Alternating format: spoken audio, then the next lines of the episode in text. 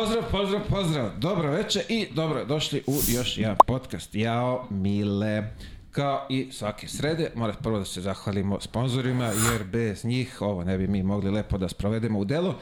Pre svega Admiral Betu, Matijašić Vidogradima, a veliko i hvala PayPal donatorima. Kao što vas molim svake srede, zapratite ovaj, i ovaj YouTube kanal, nije loše da budete tamo subscribe-ovani.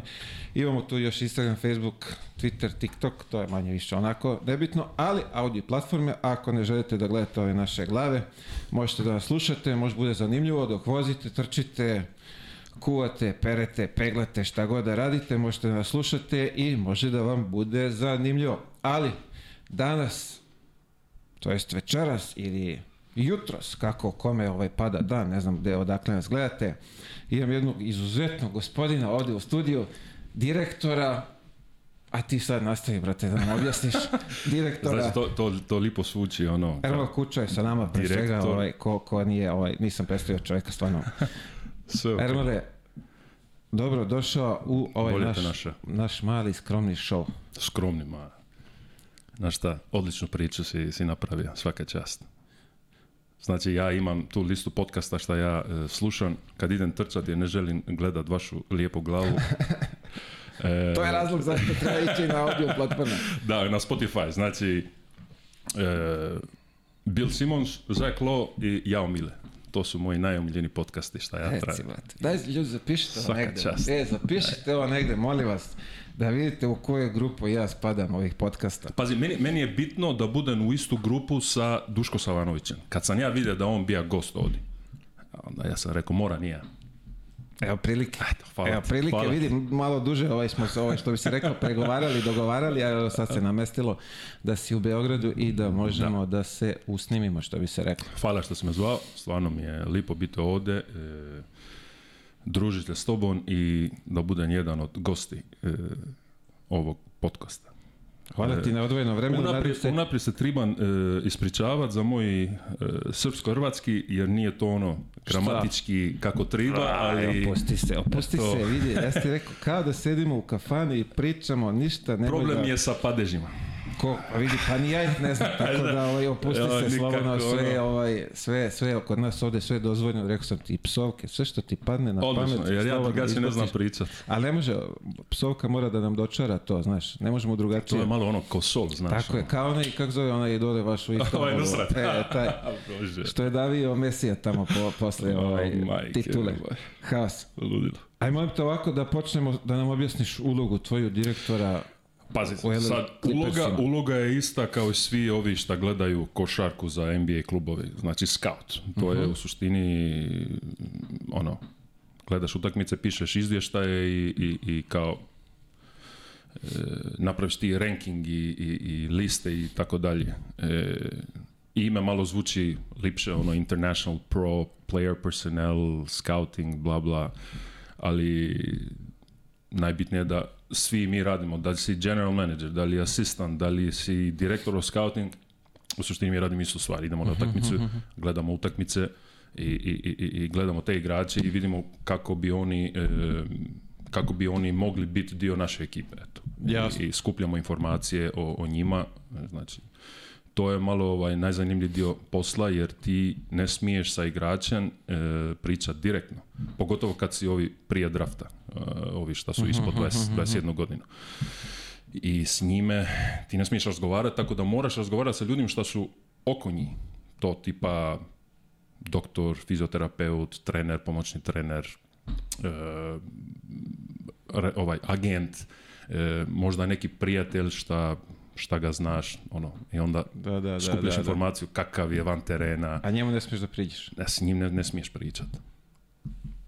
To je veoma zanimljivo, da. Ja. A druga stvar, to šta ja radim, ja ne radim draft, ja sam samo za pro igrače, znači šta to znači? To su svi free agenti po, po, po NBA pravilima koji ne pripadnu niti jednom klubu NBA-a, a isto e, prošlo im je e, e vrijeme za draft. Znači, Jasno. Stari su, stari su od... Stari ovaj- ili recimo ako neko se prijavi za draft na 19 godina recimo i onda e, ne, ne prođe, nije biran, on nije izabran na draft, onda to on automatski e, e, postane free agent, mhm, mhm, mhm, slobodni igrač. Jasno. I onda s njim ja mogu pričat. Ali recimo da je jedan igrač iz ove prostorije recimo da se izabra na draft, ali još uvijek ostane u Europi, Znači njihova provlja tipa Petrušev ili ne znam sad ovaj Gabriele Pročida i na primjer. Mhm, mhm, mhm. Šta oni pripadne nekoj drugoj klubi, ne mom klubu, ja isto s njima ne mogu pričati. Ne smijem.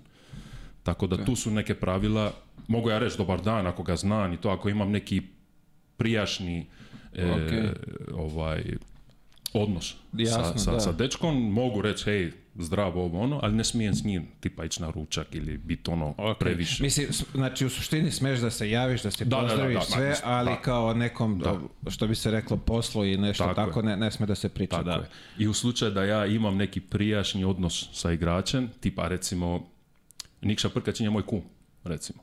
Njegov sin e, igra u Ciboni prošle godine, sad je u Gironi, ja s njim ne smijem pričat, ali pošto ga znam prije, ja moram se javiti e, ured u NBA kao, e, slušaj, ovaj, ovaj je sin od mog kuma, e, to je u biti ono, obitelj moj. Da, da, da, familija, da. E, kao, ja moram njima reći kao, evo sad idem u Gironi, bit ću u Gironi dva dana gleda utakmicu, u te vrijeme ću prolaziti vrijeme sa mali, jer njega zna od kad je bio dijete. Da, to da, moraš da, da, oni znaju. Ti mora najaviti Jer može, može neki kao, e, može me neko prijaviti kao, je, vidjeli smo Ermala ja, sa, da, da, sa da, Rokon da, da. U, u Barceloni na, na ručak. Šta on radi tu? On je igrač za draft, ovo ono.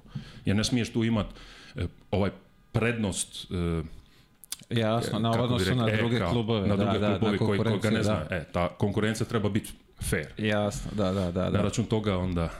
E, A dobro, znači vidi, ti moraš napraviš ozbiljnu listu ljudi koje poznaješ od pre da navedeš tamo i da do, dostaviš NBA uredu u ofisu da, da oni imaju na, na pa papiru. Pa da, mislim, e, nije toliko komplicirano koliko zvuči. Na početku ja sam prvi put kad su mi rekli to, je rekao, jo čovječe, to pa mislim, ja znam pola, mislim, igra sam u Evropi, ono, 20 godina košarke, znam sve živo, kako on, moram prijaviti svakog. A onda malo, malo po malo onda, onda se tu naučiš i nije toliko komplicirano koliko zvuči na početku. Jasno. Vidio, čuo sam jedan zanimljiv podatak isto, da vi imate i šta smete da pričate u javnosti, a, a šta ne? Da. Znači sad ovdje ti i mene ako ideš pitat e, za bilo koji igrač iz drafta ili da me, da pitaš za bilo koji igrač da je već izabran e, iz NBA, sa NBA strane, bilo kojem klubu, šta ne pripadna naše, našem klubu, ja ne smijem o tome reći ništa više od recimo dobar je igrač i to je to. Ne smije reći. Tu se završava da. da. Wow ti baš bukvalno mora da paziš kome ćeš šta reći i da tu nešto... Znaš, e, nekoliko puta sam odbija, znači pričam sa čovjekom, e, baš prije par godina sam napravio neki intervju sa sport klubom. Branimir, nešto, ne mogu se sjetiti kako se preziva čovjek, e, novinar ovdje iz mhm, mhm, mhm. Beograda.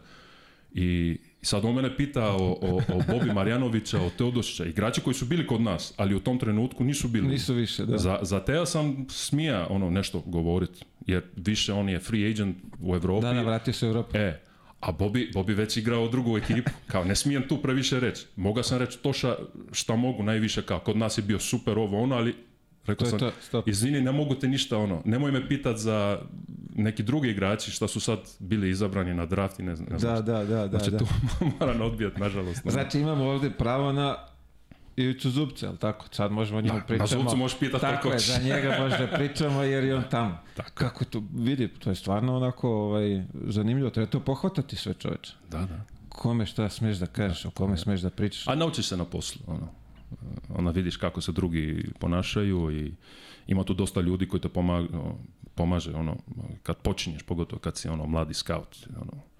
Jer počinješ od nula. To što sam ja igra košarku do 36. godine, to ništa ne znači. Ti kad počinješ kao scout, počinješ ono nula. Počinješ isto kao i onaj tamo od 20 godina koji je krenuo da, da da prati. A pazi, onaj koji počinje tako, dok ti gradiš tvoju karijeru kao igrač, on gradi svoju karijeru kao GM moj asistant GM je mlađi od mene, a on je meni gazda. Jer dok sam ja ono, trča po, iza baluna, on ti, je, on je tamo postao direktor, pa postao e, VP, pa postao asistant GM i sad on, on je meni gazda. On je šef. Tako je, da, iako sa košarko pitanje kakvo iskustvo ima i da li je uopšte ovaj, trča dobro, Pazi, e, ja mislim da je to vrlo, vrlo važno u, u scouting, e, pogotovo da imaš različite mišljenja ne znači samo pošto sam ja igra košarku da ja znam košarku, košarku najbolje. Ja znam kao bivši igrač šta gleda u košarci, a ja ne znam šta znači gledat košarku kao trener ili kao team manager. ili kao, e, kao novinar. Ja mislim da to je vrlo bitno da, da budemo objektivni na to što radimo. Ja stvarno nisam taj koji će ti reći kao ako nisi igra košarku onda nemoj mi ništa e, govoriti. Nije to istina, mislim. Ja mislim da i obični e, ovi navijač on ima neki svoj pogled. Šta vridi ga slušati. E, ja mislim da najzdravi, najzdravi grup skauta e, treba biti iz različite ove... Oblasti. Da, da, može, da možeš i... Jer novinar gleda nešto drugo. Ti kao igrač, ti si ti si treniran, tvoje oko je treniran da gleda neke stvari, kako igrač reagira, na šta reagira. Ja mogu prepoznat kad igrač je, e, ajmo reći, u kurcu jer trener ga ne stavlja na, na svoju najbolju poziciju. Možda je neka četvorka šta igra više kao pet, a ne voli igrati kao pet. Tako recimo, Razumiješ? I ja to mogu prepoznat kad vidim da on nije korišten e, na najbolji način moguć. Ali navijač gleda nešto drugo. Možda ne vidi to, a vidi nešto drugo. A, a, novinar isto gleda nešto drugo. Tako da ako si neki šef, recimo, tog scouting grupa, ti moraš imati tu različite mišljenje i, način gledanje košarke da, bi na kraju doveo pravu odluku. Bra. Bar ja tako Onda sednete svi za sto i iznese svako svoje mišljenje. Da. da, da, To, je, to bude baš zanimljivo.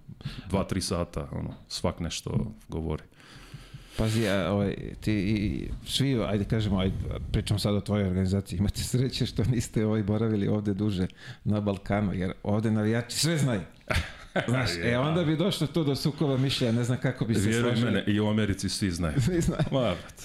Ali nije o, ovoliko ovaj, transparentno kao kod nas. možda nije, ali sad po Twitteru i socijalne pa medije to više, ono, svi su postali profesori.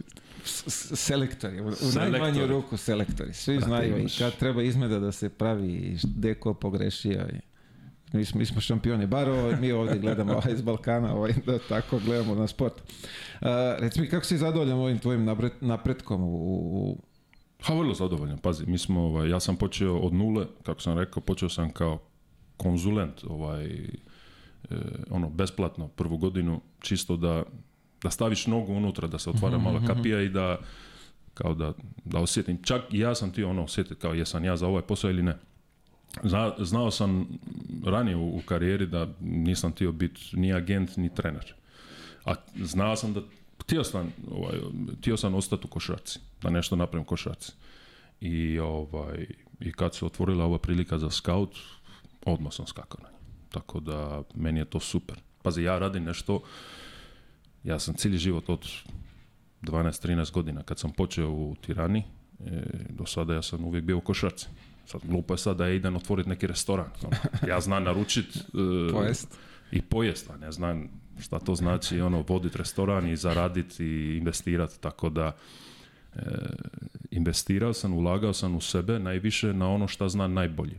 E sad, da, to je nešto subjektivno. Ja znam nešto bolje od nekoga, manje od nekog drugog. Tako da ja uvijek sam vjerovao u sebe i uvijek sam ulagao u sebe. Imao sam uvijek povjerenje u sebe i mislim da do sada mi je dobro prošlo. Eto, ono. Mislim, počeo sam u 2016. E, kao konzulent, besplatno i sad sam postao neko ono kao direktor pro international player personnel. Čekaj, tako za, što bi se reklo ovdje kod nas, za Jussi krena bez, bez dinara. Pa ne možeš raditi. Znaš koliko ljudi imaju šta čekaju na red da, da bi dobili takvu priliku. Pazi, meni ljudi u Ameriku plate da ja gledam košarku, a ja to gledam besplatno. Pa to je meni posao, gospodski, šta ti je. Još, plati dnevnicu i onda plate me hotel, avionsku kartu i sve živo, mislim. Lepos. Ali mnogo se putuje, znam da neki se ovaj, ovaj ajde kažemo, skauti koji se bave tim poslom da, da, da se žale da ima mnogo puta. Da su na putu ja, više ja, nego... mogu, ja mogu samo pričati o sebi, o svoje iskustvo. Ne mogu sad, e, čuo sam i ja te ljudi šta se žele, svaki ima svoje iskustvo, zavisi s kim radi. Ja sad ne mogu ovo usporediti recimo sa Filadelfijom ili sa Chicagom, ili, ja sam radio samo za Clippersa do sada. Meni je sedma godina u, ovom poslu, ja sam, ja sam od početka do sada sam sa Clippersima. Da, da, Moje iskustvo sa Clippersima je savršeno. E, ako Bog da, da ostanem dok mogu. Tako je, do penzija. Jer, jer, radim sa e, vrhunskim ljudima koji znaju košarku, koji, koji imaju vrhunske odnose na, na ljudski ovaj, e, nivoj, e, meni tretiraju kao da sam bog, baš, baš me, cijene, osjetim da, da me cijene, e, kad pričam me cijene i, vidim i rezultate i, način na koji, na koji cijela ta priča krene i završava, osjetim se da sam dio toga. I to je najbitnije što možeš raditi. I ovaj, da li se putuje? Je, putuje. Mislim, ja radim svoj program, svoj raspored, raspored ja točno znam di ću i kako.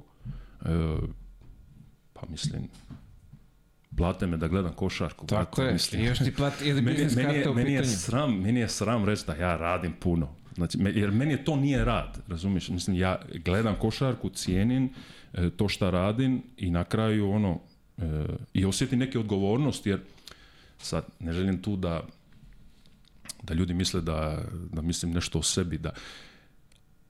Ali pošto osjetim da me cijene moje mišljenje, kad ja nešto govorim, kad pišem, kad rečem ovaj igrač nije za nas, a, a ovaj igrač je za nas, ne to su života ti djeca. Ja sam jedan dan prije 10-15 godina, ja sam bio jedno od ti djece. Razumiješ? Tako je, neko je pisao tebi neko to Neko je pisao meni, razumiješ? I meni e, sad, i imam tu prednost, pošto sam bio igrač.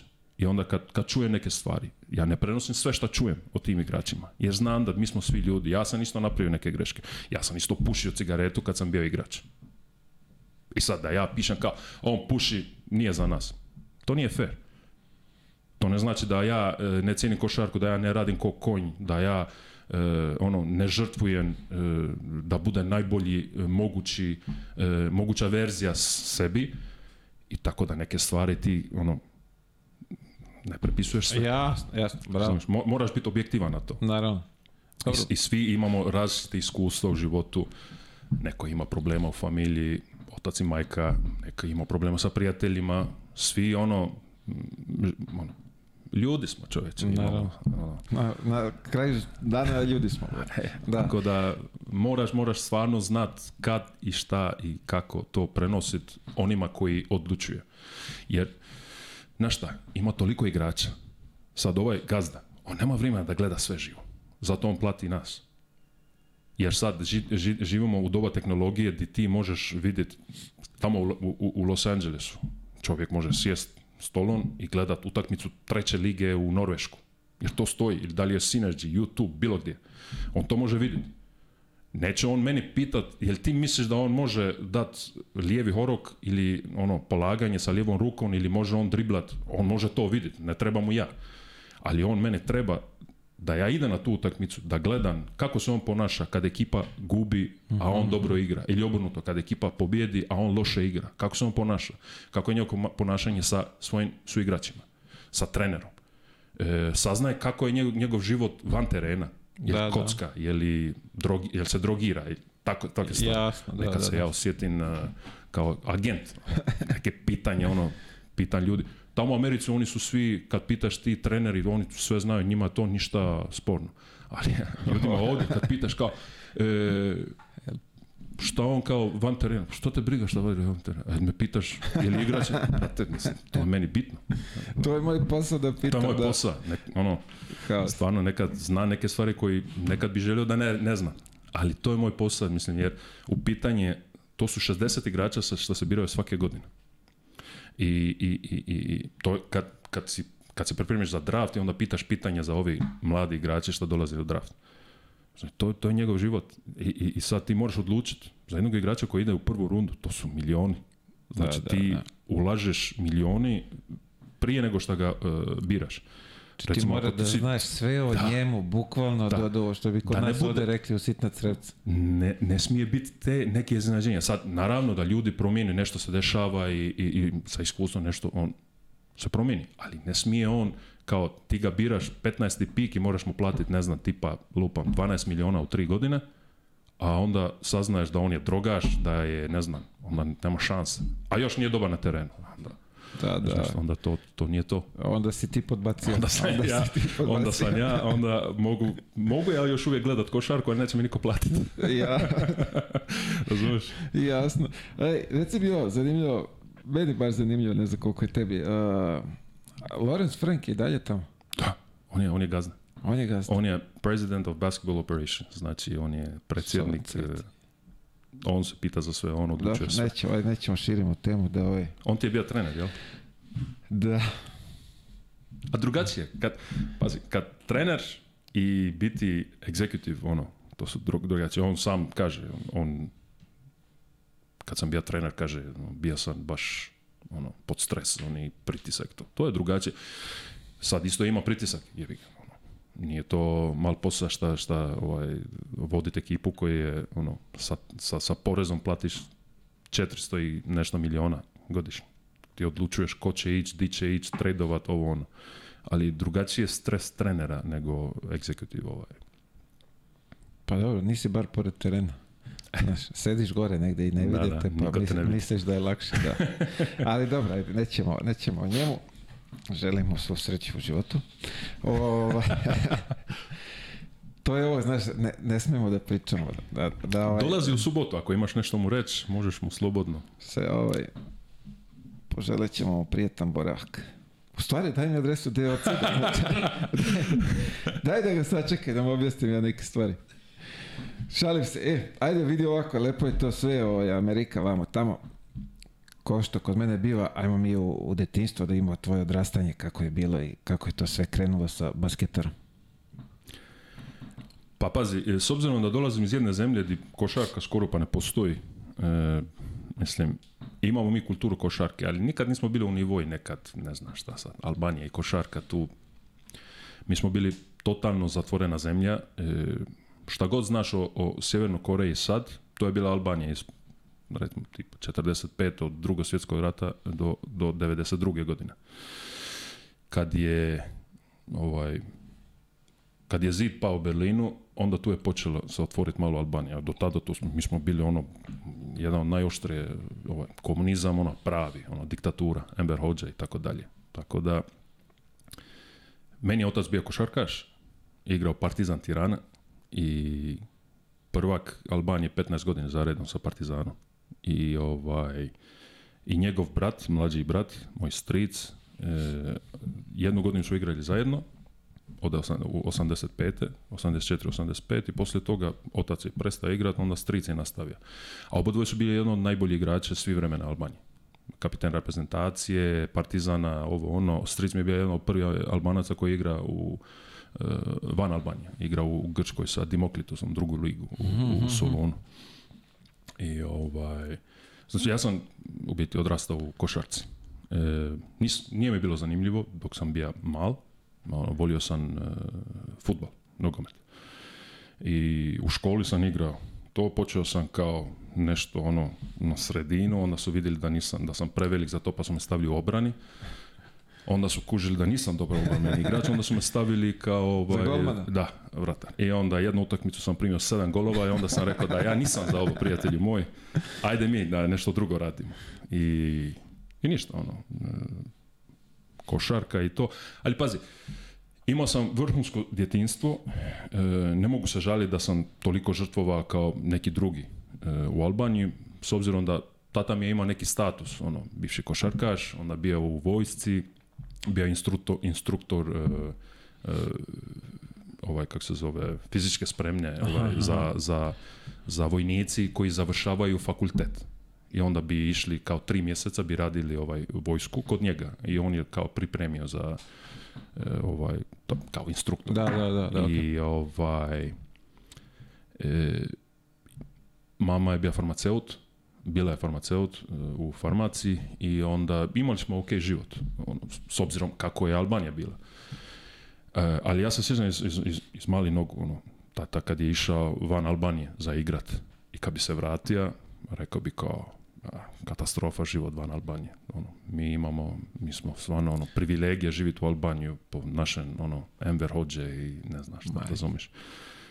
Evo, ono, oni bi išli kao, recimo, išli bu, došli bi u Beograd igrati sa Partizanom, Partizan Beograd, 77. ili 8. kad su igrali. Tata mi to priča, ja nisam bio rođen tada, ali meni je tat i ono, Draža li Pagić je bio ono, Bog batina, to je kao najbolji igrač svih vremena, kao obožavao ga. I uvijek mi priča o tome, ali priča kao, oni bi došli do Beograda i onda bili su recimo deset igrača, dva trenera, i ovaj fizioterapeut, doktor, šta god je bilo, a imali su još petorica su bili agenti od uh, albanske ove službene, kako se to zove. Da, da, da. Kao se obezbeđenje e, ili kao... Ne, ne, ne, ono, kao da ne, stan, da, da ne stanu ovdje. Aha, jer, jer ako oni, e, kako se to kaže, eh, o, na engleskom je defekt, ono, kao kad Rusi bi išli u Ameriku i ne bi se vratili... A, okej, da, da, jasno. Ne znam kako se to kaže A, sad na srpskom. Kindopovanje, šta, pa, šta bi kako bi to preveli? Ne znam. Da. svi ovi šta su bili u, u, u, bivšim komunističkim zemljama, šta su tijeli kao se predat u, u, u, u američkim ili, ili engleskim. Ovaj, A, azil, šta? E, kao, traže azil, da. E, tako. Okay. da ne bi to uradili, oni bi poslali ovi agenti sa sobom da, onda bi rekao da na pa slušajte, šta god vidite ovdje, ako vas neko pita kad se vratite, ovdje je katastrofa, kapitalizam je loš. Majke. Da. A u slučaju da neko ostane, onda cijela familija pati van, ovaj, u Albaniji. Wow. To bi išli u zatvor, išli bi u ovi kampovi e, teškog rada i tako dalje. Znači, cijela obitelj pati. Tako da moj otac u 84. godine imao vrhunsku ponudu u Švicarsku igrali su protiv BV-a i imao tipa 25 pojene, tako nešto, pa su došli neki tamo, pa su i nudili trojica da ostane. Rekao, ja ne mogu, imam, imam dijete četiri godina, žena mi je trudna, još brata i sestra i to. Ako ja na ovde, oni svi pate, idu po kampovima i... Da, da, da, da, da, wow. I nisu radili. Tako da, ali e, to je život što smo mi znali. Da, pa mi smo ovde, bilo i kod nas takvih kampova. Ovaj, je, bilo, ali... Za vreme tileta, ovaj, tako da prošli su. Ja ne mogu pričati jer nisam imao to iskustvo ovdje, ali s obzirom da znam kako je bilo u Albaniji, mogu reći da je bilo je puno lakše ovde. Naprimjer, kod nas ti je bilo, ako si imao dugu kosu, ako si nosio farmerke, ako si slušao rock muziku, onda oni bi te zvali kao ti si Jugoslove. Kao, to ti je, to je e, ovaj, uzor. To ti je loša stvar. Znači, kapitalistički titovi, ne znaš šta to, da ne smiješ. Postoji samo Marx, Engels, Lenin, Stalin i Enver Hoxha. Da, da. To je bilo... Hardcore. Hardcore komunizam. Wow. Da. I dok ti voliš svoju komunističku partiju, ti si dobar. Ti si najbolji. Meni tata, kad se vrati iz Švicarske, e, kupio ovaj e, magnetofon, ovaj, za kasetom. Pa da, da, e, Ne, ne, normalni A, kas, normalno, kas, kasetom. Ovi moderni? E, moderni, kao Panasonic, ja se sjećam se i dan danas. To je bio ono, jedino mi smo imali u cijelu zgradu. Ono. I donija je od Beatlesa, e, jedan i dva, dvi kasete i mi smo bi to slušali. A s druge strane, tata uvijek imao neke kasete, ono Zdravko Čolić, Oliver Dragojević, Bijelo dugme i tako dalje. I mi bi to slušali. I imali smo u trećem katu, e, imali smo ovaj, član partije. Wow. I svaki tjedan je bilo ono, cijeli kvart, svaki kvart u Tirani, tada su imali bi ovaj sastanak. Šta se dešava u kvartu, kako se čisti, kako ovo ono, razumiš? I tu na kraju tog e, ovaj, sastanku uvijek bi se reklo kao, e, taj, taj čovjek radi ovo, ovo protiv partije, treba autokritiku.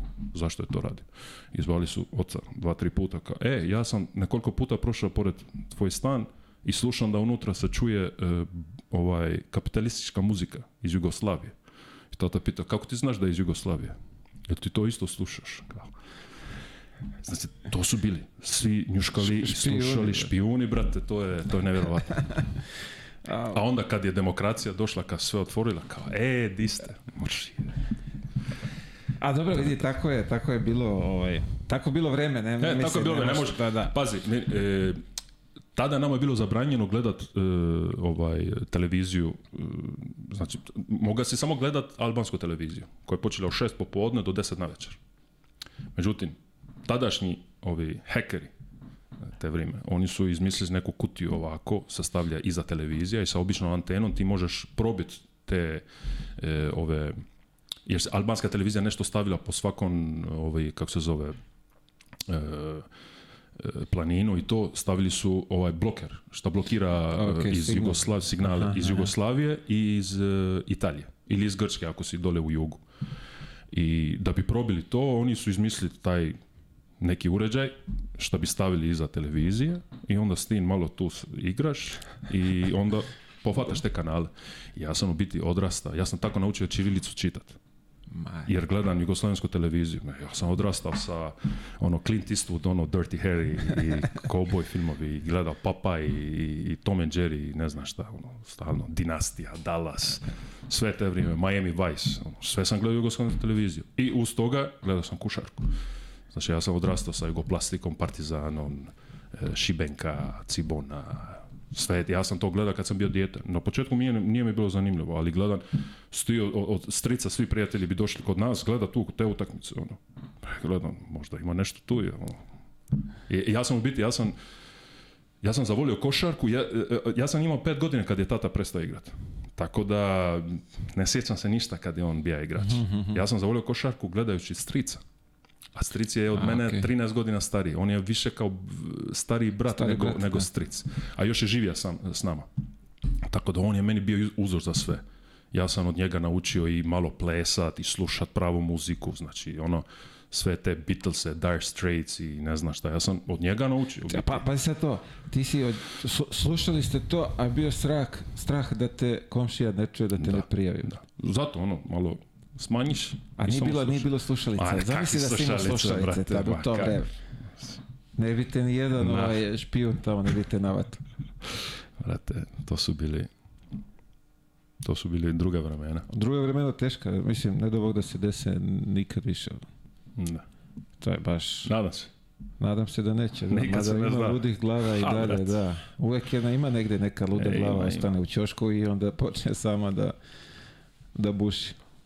Mislim da je najbolje stati negdje na sredinu. Ako ideš previše livo, onda uvijek ono, ne želiš više, onda ideš previše desno. Ako ideš previše desno, onda hoćeš livo. Tako da bolje ono negdje na sredinu. Umerenost u svemu je najbolje, tako da. Je, tako je, slažem se. Kad ti kreneš da tapkaš loptu, to je u krenuo si... Pa ja...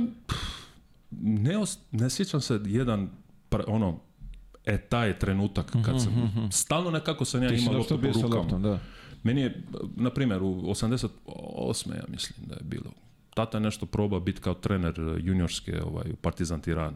Ja sam išao kod njega ono, na trening, dva, tri puta. I tu on meni ubaci ono, da malo igra s loptom. Ili svaka utakmica kad je stric igra, ja bi išao tamo, ušao bi na teren, šutirao. Ali na organizirani način, ja sam počeo sa 12,5 godina. I tu sam kao malo pomalo, onda smo išli u Italiji sa ton ekipom, eh, a ja sam bio visok, ono, za Albaniju, ja sam, još uvijek sam jedan od najvisočih ljudi u Albaniji. Eh, ovaj, eh, tada Ima sam neko više od tebe? Pa ima par, ali aha, ne znam da li su igrali košarku poslije juniorskog ovaj, nivoja. Jasno. I, ovaj, a u te vrijeme, mislim, ja sam, ja sam bio naj, naj, i ovaj, a još sam bio sin od Roberta, ono, kućo, koji, svi su ga znali i tako dalje. Uvijek su me ono... I mogu da vam da rečem da kad sam išao u Italiju sa onom ekipom što smo išli, išli smo dole, gore u Vareze, Mi smo neki turnir za uskrs, ovaj, katolički uskrs u, Italiji i tu sam prvi put osjetio sam ovo je lipo, ono, putovat, prvi put izađen iz Albanije u Italiju, ono, a Italija meni ono, mi obožavam Italiju. Jer kako sam slušao i gledao ovaj, jugoslavensku televiziju, isto i italijansku televiziju, tako sam naučio italijanski preko televizije. Ono, gledajući Italija Uno, Canale Cinque, veliki, veliki navijač Milana, ono, Van Basten, Gullit, Rijkaard, znaš, ono. ti si naučio Čirilicu? Naučio si italijanski? Naučio sam čirilicu čitati. čitati. Znači, znao sam čitati. Nisam znao šta znači. Okay. Znao sam ono aha, ono najosnovnije, aha. kao dobar dan, zdravo, pozdrav i tako. Okay. Ali, ali jezik nisam znao. Ja sam jezik Tek to, to je zadnji jezik što sam naučio. Ok, ali, italijanski ali, si samo gledajući televiziju. Da, italijanski mi je bilo ono baš lak. Zahvaljujući toj bombini što ste probili. Tak, ovaj... Tako je, tako je. Wow. I to, ovaj, pazi, ono, u Albaniji svi znaju italijanski to je kao drugi jezik. Jer je lako razumit ga i, i ga e, vrlo lako, pogotovo kad si dijete. I onda gledajući te filmovi u Italija Uno, ono, stalno sam, tome dosta pomogao. I kad sam išao u Italiju u Varezu, čovječ, ovo je ludilo. To sam došao radi košarke. Možda bi bilo bolje da ja malo i malo pomalo i vidim ono, kompetitivnost me, ono, želim pobijediti, ono, daju mi neki, neku bananu, kao, kao da me neko psovao majku kao jeben ti, pa pa šta meni bananu, pa nema šanse. I onda tu sam zavolio. I onda kad zabijem koš, nikad neću zaboraviti taj adrenalin, to koje je to iskustvo, ono kao, dao sam koš, pobjedili smo čovječe, ja želim ovo osjetiti do kraja života. I onda to me gura u biti da, da radim ono uporno. Ja nikad u svoju karijeru nisam bio najtalentiraniji igrač u svojoj ekipi, ali mogu reći da sam bio jedan od naj koji je radio najviše i koji je bio kompetitivan do bola. Ja, meni, meni je više bolilo izgubiti nego što sam zavolio pobijediti. I sad, ima sam tu, ne, ne ovisi sve o tebi. I, Naravno, ima tu i sreće i raznih faktora, Ima dosta toga, ali najveća sreća što sam imao u karijeri je da sam vrlo rano kužio da moram paziti svoje tijelo i da se ne povrijedim. I najbolji, e, najbolja stvar što možeš napraviti je biti preventivan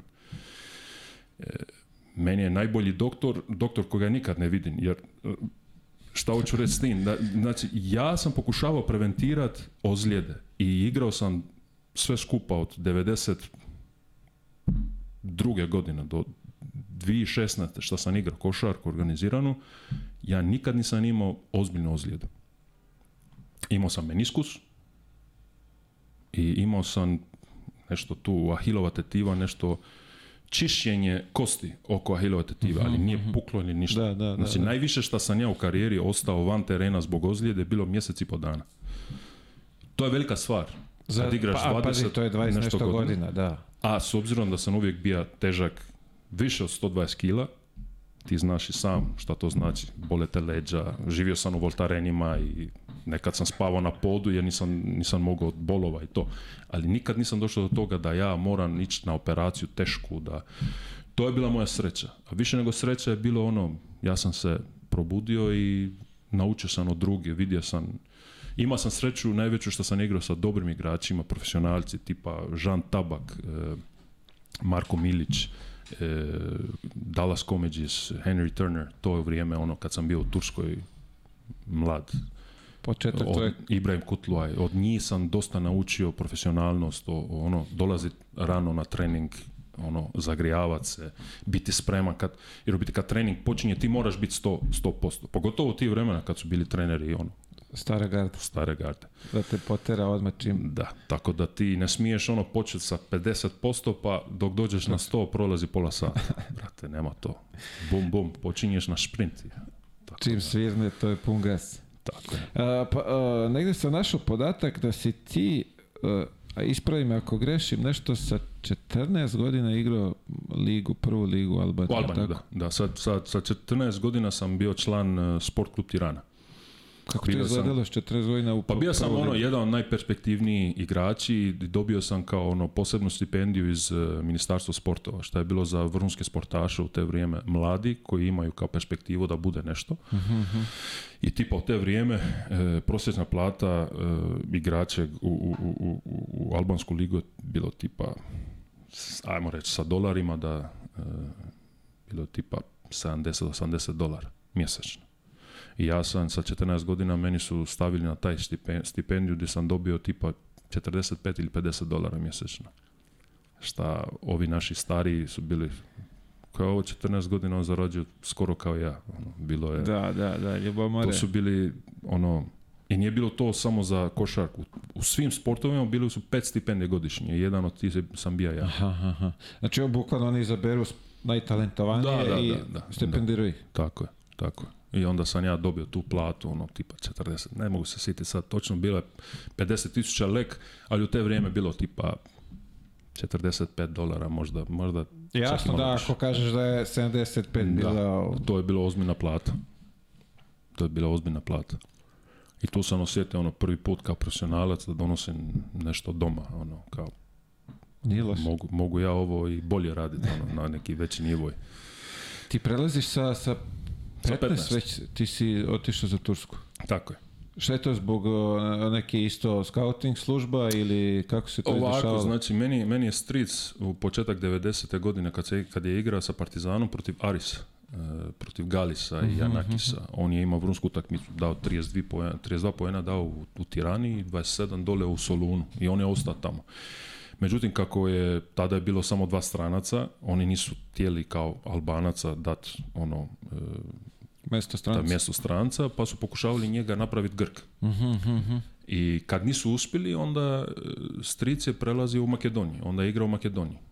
E, I tamo ima jedna, jedan menadžer, kada je bio polu Albanac, polu Makedonac, koji je napravio puno biznesu u Tirani. Mhm, i onda e, stric uvijek pokušavao kao naći, jer ja nisam imao nikakav budućnost u Albaniji. I tada Albanija je bila ono svježa, ono, poslije komunizam sve se raspadne e, i to je bio eksodus, ono, maksimalni van Albanije, Grčka, Italija, Francuska, Njemačka, otišli su svi, ono, pola Albanije, ispraznili se. Pežali gdje? Sve, su stigli, brate, to je, ono, bila je tragedija tada, ono, 92. treće godine i tako dalje. I ovaj... I strica pokušava na račun košarke meni naći nešto u Grčkoj, ono, preko veze šta ljudi šta su otišli u Italiju to naći. I ja sam otišao, išao u kantu, išao sam na probu tjedan dana eh, i ovaj, baš me maltretirali. Tada je bilo ono vrijeme kad su Albanci su bili ovaj, eh, emigranti, ono, prva ruka. Da, da, da, da. I radili su sve i svašta. Većina ti su bili dobri ljudi što su radili, ali s njima su išli i kriminalci. I onda to je bilo ono, Talijani kao, šta su Albanci ovdje, razumiješ? I onda ja sam išao u Kantu tada kad je već bio ono neko, ajmo reći, skoro do mržnje. Wow. I ono, probudili me u tri ujutro. Bio sam u jednu kuću sa svim e, igračima i ono, sa vodom me probudili, ono, Albaneza del Cazzo i te pizdarije. To je U biti Čekaj, oni znaju da, jesu, znaju da si ti došao zbog košarke tu ili? Pa oni su svi bili košarkaši, to bi bili moji suigrači, ako ja ostajem tamo i potpisujem. tako Ja sam išao tu kuću gdje svi juniorska ekipa, znači oni su bili iz različitih dijelova Italije što su igrali za kantu. Mhm, ja sam tamo mhm. išao na probu. To tu je bio ovaj bivši velikan talijanskog košarka, Pierluigi Marzorati. On je tada, on je igrao za Kantu i pobjedio sve živo ovaj, u svoje vrijeme i i on je tamo bio generalni direktor Kantua. Kantu tada je bio u drugu ligu, talijansku, ali tada Italija je bila ono, jedna od najbolje lige u Europi u te vrijeme. I ovaj, ništa, ja sam išao tamo tjedan dana i stvarno su me, ono, igrači su me maltretirali. To je od neznanja, je ga to ono. Slušaju, slušaju medije, televizije, roditelji. Tako je. Ono, dosta je da jedan kreten bude. Tako je. To su djeca, ja ništa, nemam ništa, ono, sve je okej. To me, to me jačan, to mi je, to dao više, eh, uvjerenje u sebe da, e, slušaj, ti si ovdje sam, ako želiš nešto napraviti, moraš vjerovati u sebe jer pojest će Nikada ja nisam imao iza sebe nekoga da me gura, da me, da me drži. Meni otac nije došao na utakmici. Pazi ovo. Meni otac bio jedan od najboljih košarkaša u Albaniji. A ja sam u Albaniji igrao dvije, dvije i godine. Meni je tata niti jedan put, niti jednu utakmicu nije došao. Da me gleda.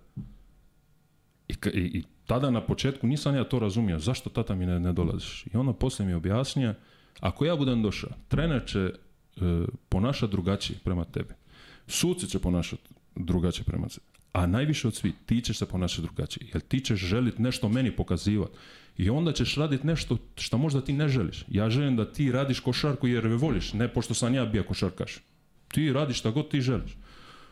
Ja sam rekao, ja se hoću biti košarkaš. Onda budi.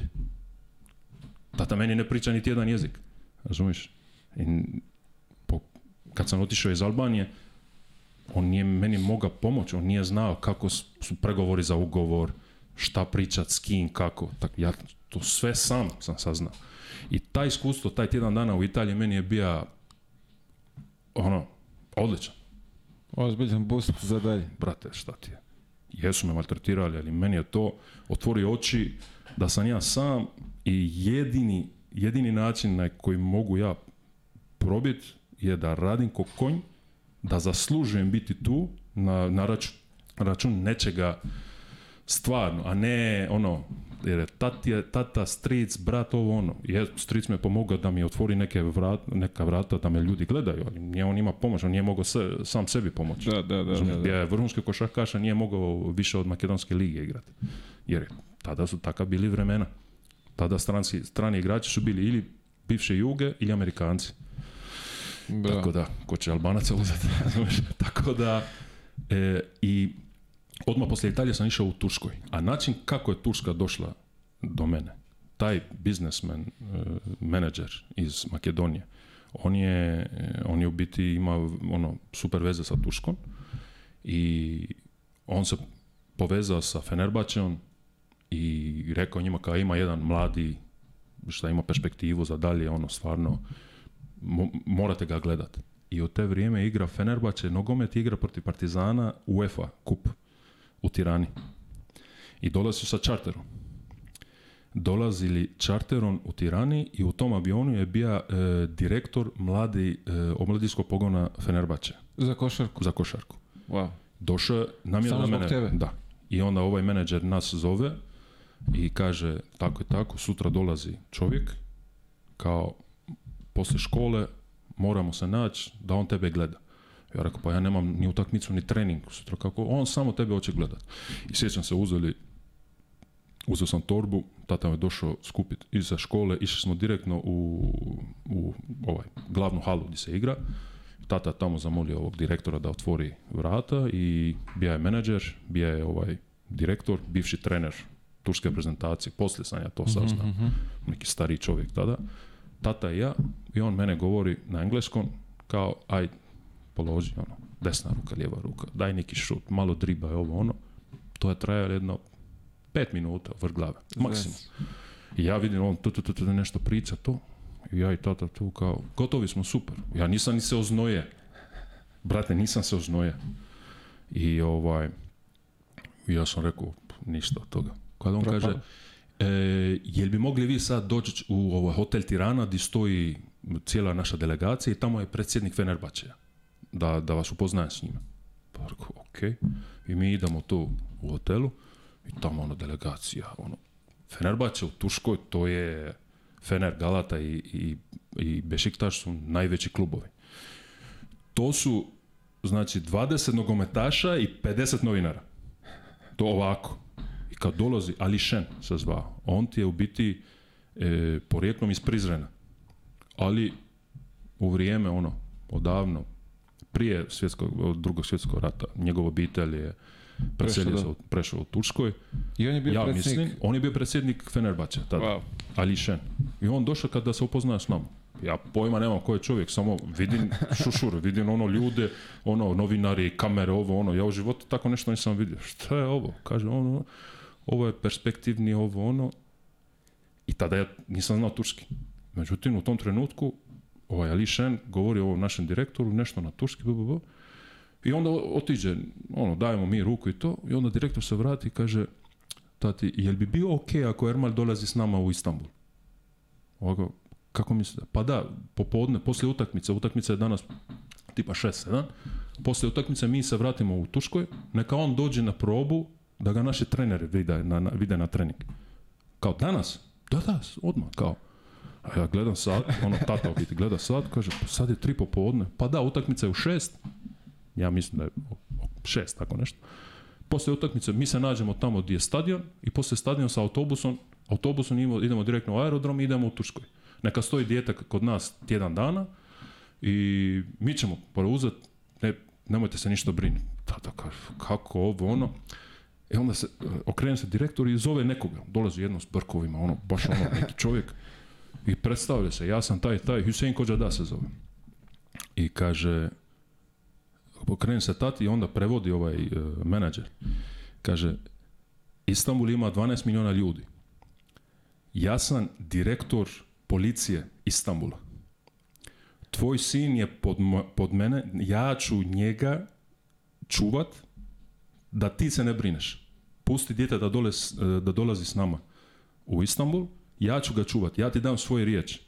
Tvom sinu neće se ništa desiti. Tata kaže, može. Brate, išli smo doma, mama nešto kuva i tata kaže, napravi mu torbu, ide sin u Istanbul. Šok. Ja isto ono pod šokom, ali ja jedva čekam da, da otiđem. Ja već vidim sebe van Albanije. Ja ne mogu da zamislim da ostanem u, Tur u, u Albaniju još jedan dan. Jer ne vidi nikakvu budućnost. Pazi, ja sam sa, sa pete, 15 godina, tu godinu, ja sam dao po 10-15 poena u prvu ligu. Sad ti zamisli koliko, je to da, liga, da, da. razumiješ? Dobro, jesam ja bio perspektivan, nisam bio toliko, brate, da sad, ono, u, u, u neki super kup što smo igrali, dao sam 21 poen. Ja sam to već znao da ja ću ovo sašiti, ovo nije za mene. Meni treba neki pravi challenge, da. nešto bude. Ako ne, jebi ga, ono, razumiješ? brate, malo počela plakat, ali tu večer ja sam spavao u Istanbulu, ništa mogu vjerovati. Pazi, ja iz Tirane, neka mala Tirana tada, na ništa ne liči. Ja u Istanbulu prolazim taj most, brate, u životu tako nešto nisam vidio. Ja pod šokom, ono, nevjerovatno. To je nevjerovatno iskustvo. I koliko god su me maltretirali u Italiju, totalno obrnuto je bilo u, Turskoj. Tu sam se osjećao kada sam došao dom. Ma kakve mržnje, to ljubav od prvog dana. Riječ nisam razumio, ali vidiš, brate, da oni vrhunski ljudi. Ljudina. A potom, ja sam veliki, u, ovaj, volim povijest i moj najdraži, najdraža figura povijeste je Kemal Ataturk. Uh To što je on uradio u jednoj Turskoj, što izađe iz ono, Otomansko carstvo, od Osmanlija, što je promenija i alfabet i, i, i sve živo, ne znam, modernizirao Tursku. Meni je to bio pojam, onaj pravi lider i tako dalje. Već sam imao neki ono, ali nisam nisam znao Turskoj, razumiješ? Kad, kad sam išao tamo i gledao sam kako su ljudi ljubazni, pravi, ono, i ono, kad sam bio to bogatstvo, ne na, na materijalni način, na bogatstvo, ono, ono, veličina grada, E, zgrade velike, e, zelenilo, sad nije ništa ostalo sa ovim novino, ali to je vrijeme, to je bilo zelenilo svugdje, ono, more, lipo, ono, to ja je, rekao, ja ću ostati. Tjedan dana trenirao, već ono ovo, vratim se u Tirani, ja kažem tati, ja idem, idem u Turskoj. I mi čekamo da se javio iz Fenera, niko se ne javlja. Wow. Prošao mjesec dana. Ovaj menadžer se ne javlja, ništa. Nervoza. Ja, da, nervoza. A meni su rekli, kad sam bio tu kao, super, ja sam stvarno dobro igrao u ti treninzima i to. Kad, eto, pojavi se, menadžer kaže, idemo u Turskoj.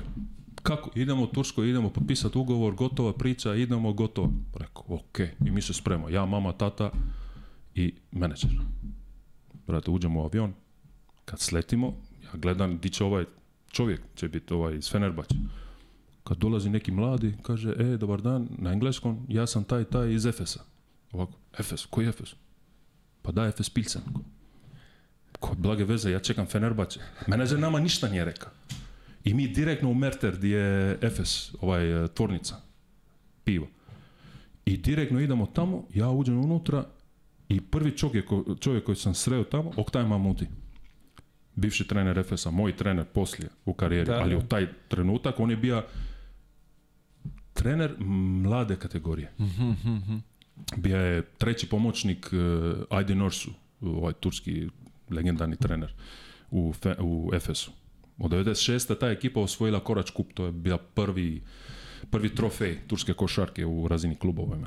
I ovaj, ja sam ušao u taj klub i ok, taj se predstavlja, ja sam taj, taj pričan albanski, jer on je iz, iz Ohrida, iz Makedonije, ali albanski porijeklo. Odmah sve lakše. Da, i mi ovako gledamo, čekaj, mi još uvijek pod šokom, koji Efes? Efesu pitanja nikad nije bilo. Ti nisi ni znao da postoji Nisam, Efes. Pa znam ja da postoji Efes. Jer e, znao sam, ja sam pratio Jugoplastiku kad je, znam ko je Naomoski. Naomoski je igra za, za Efes, tako da ja sam to pratio. Ja sam od, od kad sam zavolio košarku, ja sam pratio sve živo. Sve živo. Znači, ja sam znao, ja sam bio veliki ljubitelj jugoslavenske košarke, samo da ti digresija, ali moram ovo reći. Znači, u te vrijeme kad sam ja počeo zavoliti košarku, kad sam gledao tu jugoslovensku televiziju, ovaj, Partizan, meni, meni, znaš koji je meni bio najdraži igrač u te vrijeme? Znači, ja sam gledao Divca, Danilović, Đorđević, Paspalj, ja, ja sam to gledao. Meni je najdraži igrač bio Goran Grbović. Wow. Toliko sam ja zavolio, tu, tu ćeš znat da sam manja košarke. Jer meni on se sviđa, on je bio borben, ono, dao bi trojke, ja uvijek sam tija kao, ja hoću biti da se bijem, ali da šutiram trojke. To sam volio. I ne znam, nekako sam vidio sebe u njega. Eto. Pa. I Grba meni je bio ono, pojam. Čekaj, si upoznao na kraju? Nikad, nikad nisam. Zajebaš? Da. Nikad nisam dobio tu priliku, ali Ajde, ti reći. Sad ćemo završiti. Hoću ti reći da ja sam, znači, ja sam takav manjak za košarku bio. Kad ti kažem da ja bi gledao košarku besplatno, ja, ne, ja se ne šalim. Jasno, verujem. Moja je sreća šta me plate za to, ali e, da se vratim na tu priču, znači ja sam već znao šta je Efes, ali nisam imao pojna, pojma. I meni kao, a, aj ti se, ovaj, preslači se, aj na trening sa ovaj, juniorima. Ja uđem unutra, sad znam ko su oni, ali je Turkolu, Omer Onan, to je ekipa, ta mlada kategorija, ja s njima na trening. Ja sam trenirao s njima. I onda posle treninga išli smo gore, bio je Pano Natov, ovaj bivši generalni direktor Efesa, meni su nudili ugovor. Daćemo 50.000 dolara i ovaj i napravit ćemo Turčin i će igrat ovdje. Ali, brate, meni ta Efes nikako nije leglo. Pre ozbiljan, pre, ono, vojska, ono, niko se ne smije, svi nešto nervozni, ovo, svi trče okolo ja dolazim iz jedne sredine, ono, poluprofesionalac, amater, ovo, ono, a u Fener, meni je oduševio Fener, kako su bili ljubazni, kako su... Ovde sam se osjetao kao ono, kao došao neki vojnik, ajde, ajde i ti, kao, ono, tvornica, brate. Ja rekao, meni ovo nikako ne legne. I kad smo se vratili u hotel, ja idem, imam, imao sam broj od tog čovjeka iz Fenera. I ja njega zovem. Kao, ja sam taj, taj, zašto vi ste odustali od mene, kaže. Ko? Mi smo? Di si ti? Pa ja sam u Istanbul. Šta radiš u Istanbul? Pa evo, ovaj, Baki nas, ovaj menadžer nas je doveo tu. Ja sam mislio da dolazim u Fener kad e, čovjek iz Efesa nas. Molim, koji je Efes? Čekaj tu. Kao ti da čekam, u hotel, nemoj ići nigdje. E, čovjek ko će ti doći, daće ti jedan papir u ruki, a, ako ne dobiješ taj papir, nema otvoriti vrata. Ja rekao, molim, Prate, poslije sat vremena, vrata, neko kuca na vrata, Kaže, ja sam taj i taj i daje mi papir ispod vrata. Ja otvorim papir i piše ime od tog čovjeka i kaže, možeš vjerovati tog čovjeka. U tom trenutku mama i tata su bili išli nešto ono kao da šetaju oko hotela i bi vratili.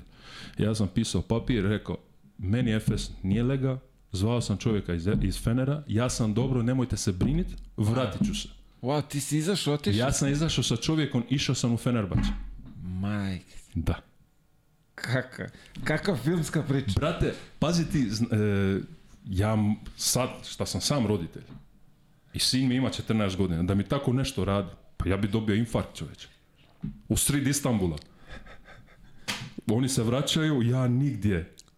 samo jedan papirčić, ono kao, ja sam dobro, nemojte se brinit, vratit ću se. šta je ovo? I onda oni se vrate u hotel po, po mojima, oni skupe sve živo. Ovi iz Efesa čekaju da ja dođem na trening, ja nigdje nemam. Da skratim priču, ja idem u Fenerbahce, potpisao sam ugovor za pola pare što su mi iz Efesa dali. Potpisao sam ugovor sa 24.000 dolara. A pazi, u te vrijeme, 95. godine.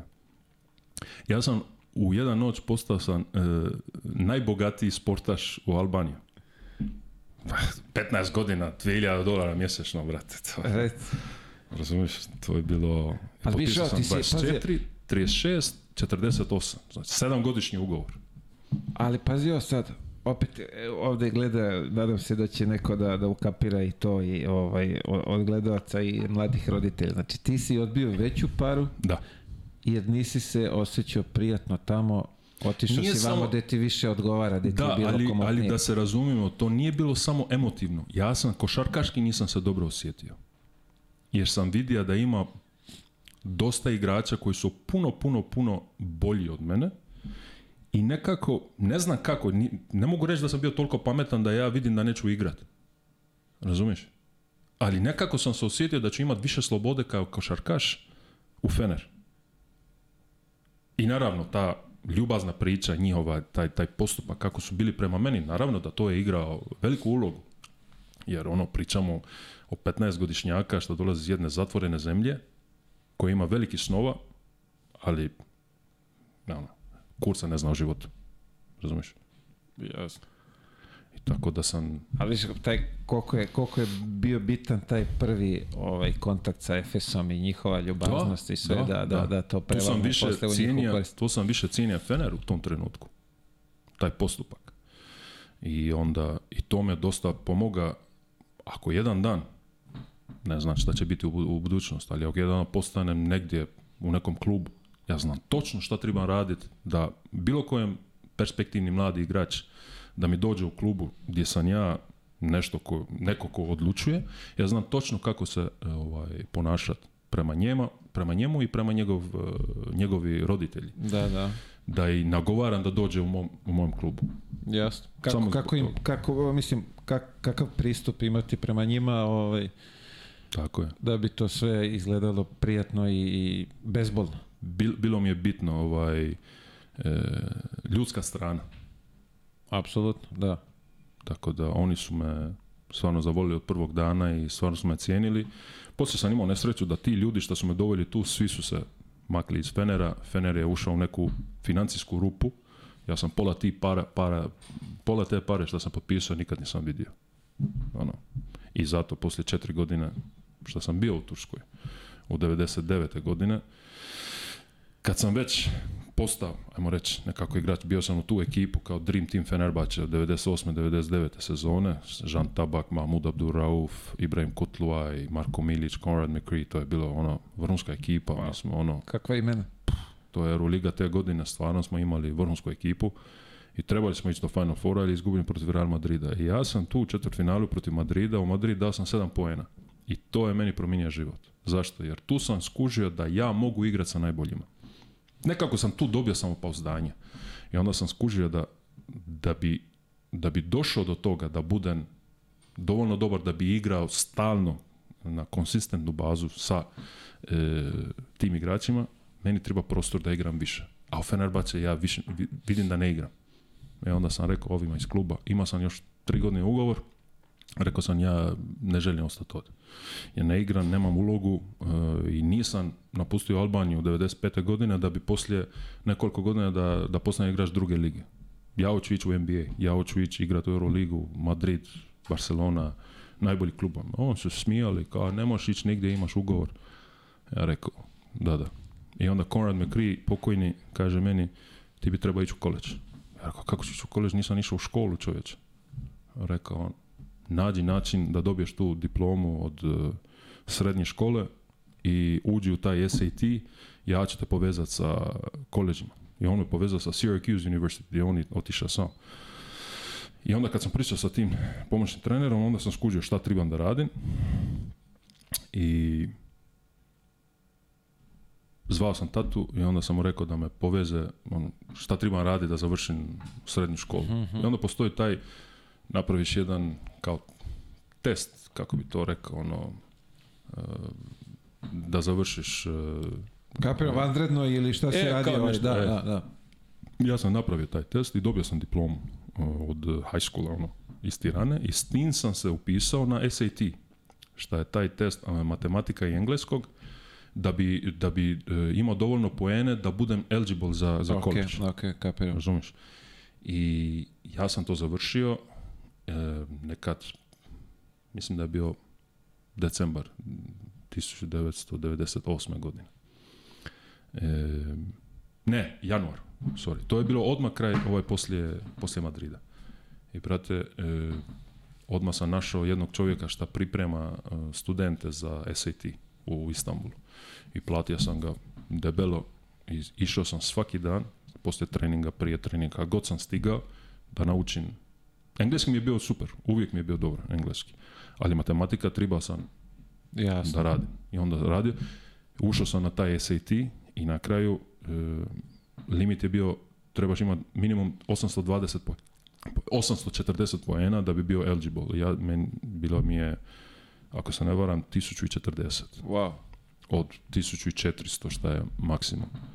Puno bolje sam prošao nego što sam očekivao, ali to znači da sam bio eligible od prve godine da idem u četvrogodišnje škole. Međutim, nekako, ne znam zašto, ti ovaj, rezultati nisu došli na vrijeme da bi se ja e, ovaj, upisao za e, ovaj, za školu, za, školu na, na, na vrijeme.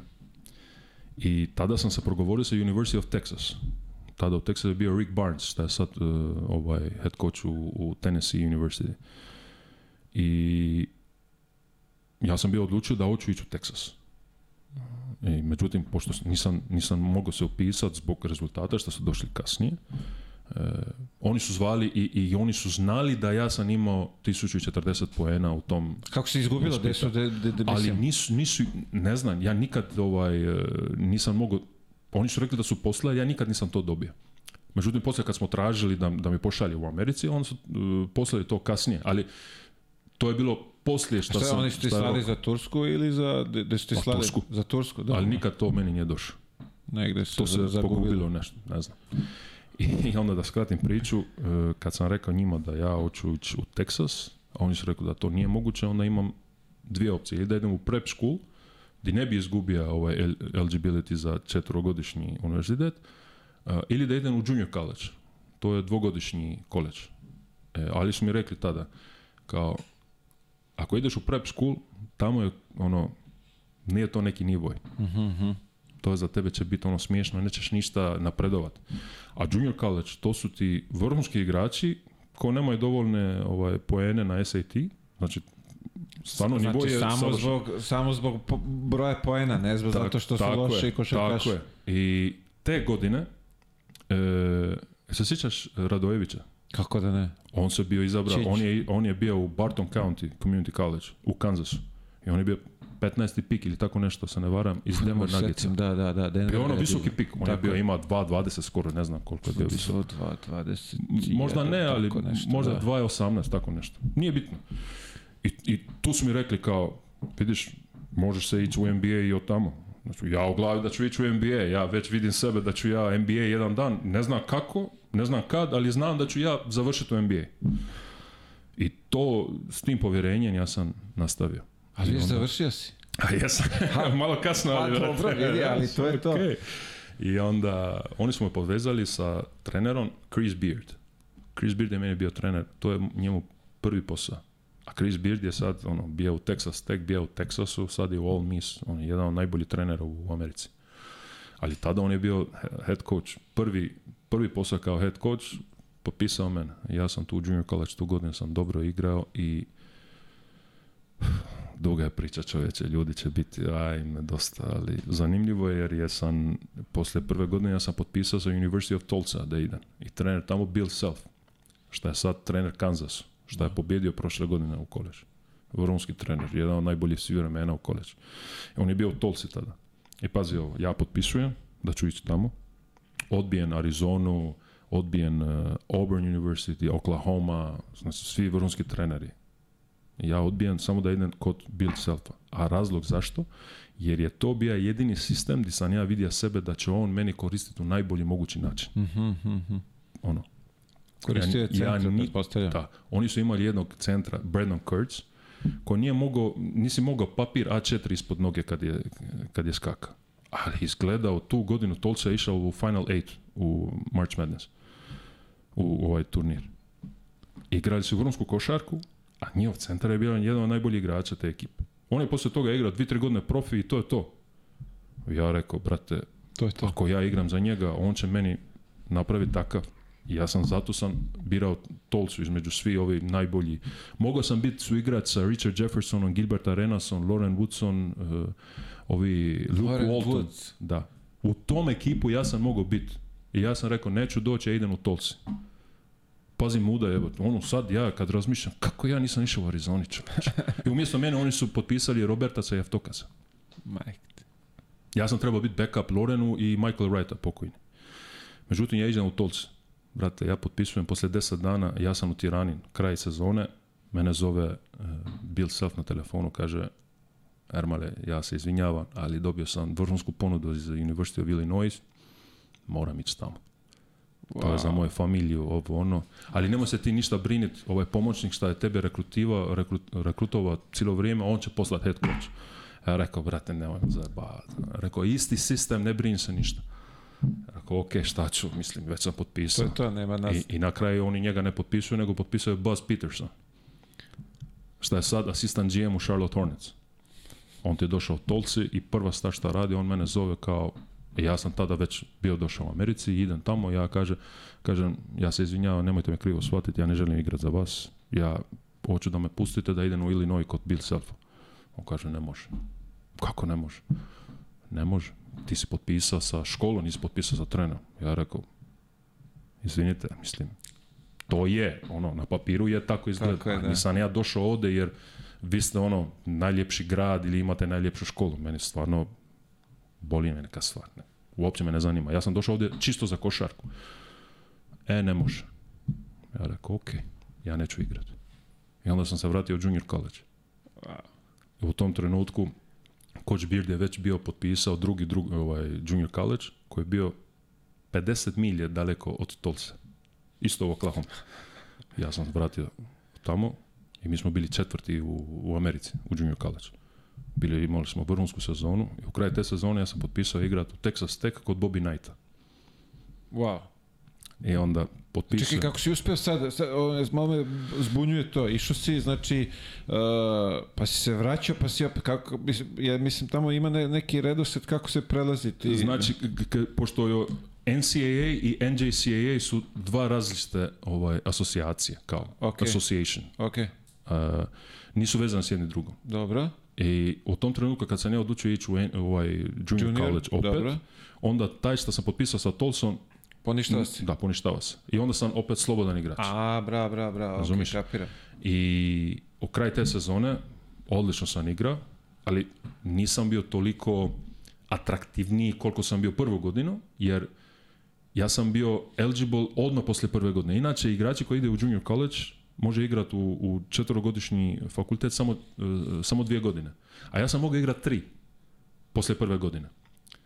I zato sam bio atraktivan za, za i za Arizona i tako. Međutim, posle druge godine, onda sam bio manje atraktivniji, jer treba sam ići negdje gdje ću odmah igrati i, i, ono, rezultat. Da, da, da. A Texas Tech u to vrijeme to trebalo, jer Bobby Knight taman je bio dobio otkaz iz Indijane i potpisao ugovor sa Texas Techom.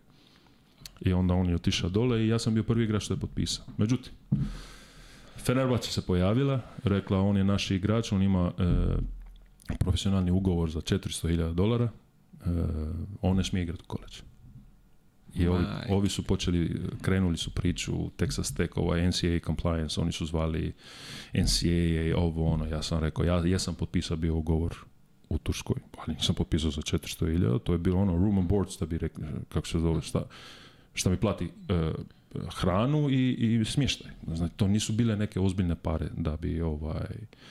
Međutim, oni iz NCAA nisu se oni toliko uh, sa, uh, ovaj, za pare, nego više su rekli kao ti imaš neki prednost što naši Amerikanci, ovi mali uh, djeca Amerikanci nemaju. Ti si trenirao sa profesionalcima, ti si igrao protiv A, Real Madrida, bra, razumiješ? Tako da ti, ti si imao ovaj, namjeru da budeš profesionalac i to izgubio si amaterski status. Tako da mi ćemo ti, ovaj, najvjerojatnije će ti dati oko 30 utakmica kasnije. Brate, to je cijela sezona u koleđu. I tako sam ja rekao jebi ga, ne, ne A Chris Beard je postao pomoćni trener Bobby Knightu, moj trener iz Junior College. On je otišao Texas Tech, ja se vratio u Evropi. Kakva priča, brate. Da li je realno? Čekaj, i od svih, pa sad to. Znači, sva ta zajebancija koja se tamo izdešavala. Ti se vraćaš u Evropu i u Split. Da kako u Split, svih lokacija. Od svih tamo uh, Turska, Efes, uh, Fener, tamo si bio, znaju te. Ti u Splitu. Da. Nisam htio se vratiti u Turskoj, jer sam bio ljutko puška, pogotovo u Feneru, što su mi radili, jer zbog njih nisam, nisam uspio igrati u koleđu. Bio sam, stvarno sam ljut. Ali druga priča je, dok sam bio u Americi u koleđu, stalno sam bio u kontaktu sa, sa Jozom, Jean Tabak. Bravo. On mi je bio cimer u u Tuškoj, kad smo igrali u Feneru. Izvini samo, je li, Jozo bio na, na, na koleđu nekom? Ne, on je bio u NBA tada. Nije bio on u koleđu. On je bio u NBA tada, čak mislim da je bio u Indijani te godine kad sam je bio u koleđu. I on me zvao i kaže, šta ti namjeravaš raditi? Ja rekao, pa moram se vratiti u Europi. I on mi kao, povezat ću te ja sa svojim menadžerom. Ja rekao, ko je tebi menadžer? Luciano Capikioni. Kaže, super. I on me povezuje s njim. A u međuvremenu njegov punac, Rat, e, Rato Tvrdić, je direktor kluba u Splitu. I on njih opozorava za mene, kaže kao, evo, ja sam kuće potpisao sa, sa bacite pogled. za mene zavolio jer ja sam, dok je on bio u Feneru, dok mi je bio Cimer, ja sam, brate, ja sam bio ko sunđer iza njega, šta god je on radio. Kad sam vidio da on dolazi 45 minuta sad vremena prije treninga da se zagrijava, ja rekao, pa ovaj nešto zna šta ovo radi. Pa, došao iz NBA i najplaćeniji igrač Fenera. Prate, da ja malo gledam šta on radi. I ja sam od Jozo, Jozo je meni bio prvi pravi trener. U, u, mentor. Može mentor, da. Da, ali je trener. Ja od njega sam naučio sve ove finte ispod koša, leđna tehnika, horok i sve to. Znači ja sam gradio svoj, svoju karijeru na tu ono lijeva ramena, hook shot. To je sve od Jozo što sam pokupio. Wow. On je meni bio ono, pojam.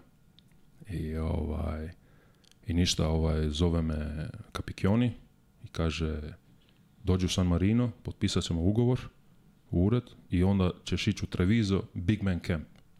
A, Prvi okay. put, 2001. E, I ja idem u Treviso, radim Big Man Camp tu. Tada Ček, je bio... Koje godine? 2001. Prve, ok, nisi, ja sam poslije što da. Da. E, tada je tu bija ovaj, Zaza Pačulija bija, e, Nikolos Kitišvili, okay. ta generacija. I ja. I tu sam ono, baš, baš odlično iskustvo. I ja sam ostao Trevizo, tada je bio Trevizo Summer League. I ja sam igrao Trevizo Summer League i tu me Rato Tvrdić gledao prvi put. Koliko ja znam. Ja se ne sjećam da je on došao, on nikad se meni nije, nije pojavio, ne, ništa. Meni samo je ovaj, Kapikioni mi je rekao, ja sam kad sam završio, rekao, ja sam u pregovorima sa par klubova, ti vrati se u Albaniju sad, čeka da te ja zovem. I ja čekam, čekam, čekam, čekam, brate, nikako da prolazi vrijeme. To je, to se sve dešavalo krajem šestog mjeseca. Zovem, nervoza. Nervoza, brate, šta ću, di ću. I onda me zove Kapikioni, tipa kraj sedmog mjeseca, julu. Kaže, ima klub za tebe, pošaljem ti kartu, ideš u Split. Ja rekao, molim? Rekao, da, da, Split. Ja kažem, jugoplastika. E, nije više jugoplastika, ali Split, da, tu. Ja ako gledam oca, otac ono, malo plaće. Jugoplastiku? Nema veze šta je kakav Split Croatia osiguranje. Za nas to je uvijek jugoplastika. Popo 84.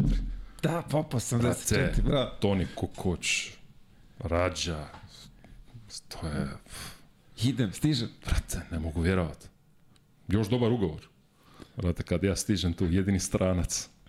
Bože. A ja, fresh, ono, iz koleđa. Cilj je ono, napumpan kao...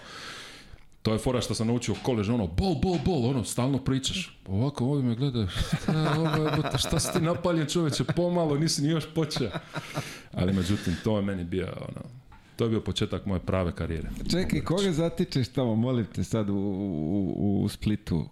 koga si zatekao? Ko je bio tu? Andrija Žižić, e, Subotić, Poljak, Grgurević, bija je Roko Ukić, Drago Pašalić.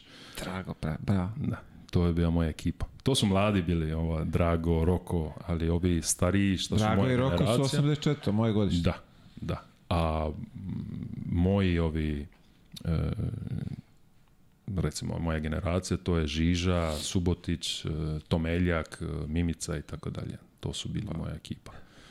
Ja sam tu dosta naučio. Stvarno mi je bilo vrhunska sezona, iskustvo. Prvo nisam igra, poslije sam malo više igra. Ono, gore, dole. Nisam imao puno prostora jer Žiža bio vrhunski igrač tada, oni su gurali njega. Bio je Joško Poljak koji je u sred sezone... Joško Poljak, pravo. U sred sezone Joško je otišao u CSKA. I onda tu se otvorilo malo mjesto gdje sam ja počeo malo više igrati. I, i tada, ja se sjećam prvi put kad sam, prije nego što sam sledio, letio sam iz Tirane preko Mađarske sa Malevom. Prvi put idem u Hrvatsku, nikad nisam bio. Čekaj, išao si za Mađarsku da bi otišao u Split? E, nije bio direktan let, zato. Onda preko... Wow, kakva, kakva konekcija. to je bilo jedina, ono, iz Albanije. I danas stvari, nema toliko... Tu je, e, tu je, ono, Da. E. I, ovaj, I sjećam se, znači, prije nego što sletim u Split, kad sam ja vidio more, kad sam ja vidio te otaci, ja rekao, ajme, meni šta je ovo?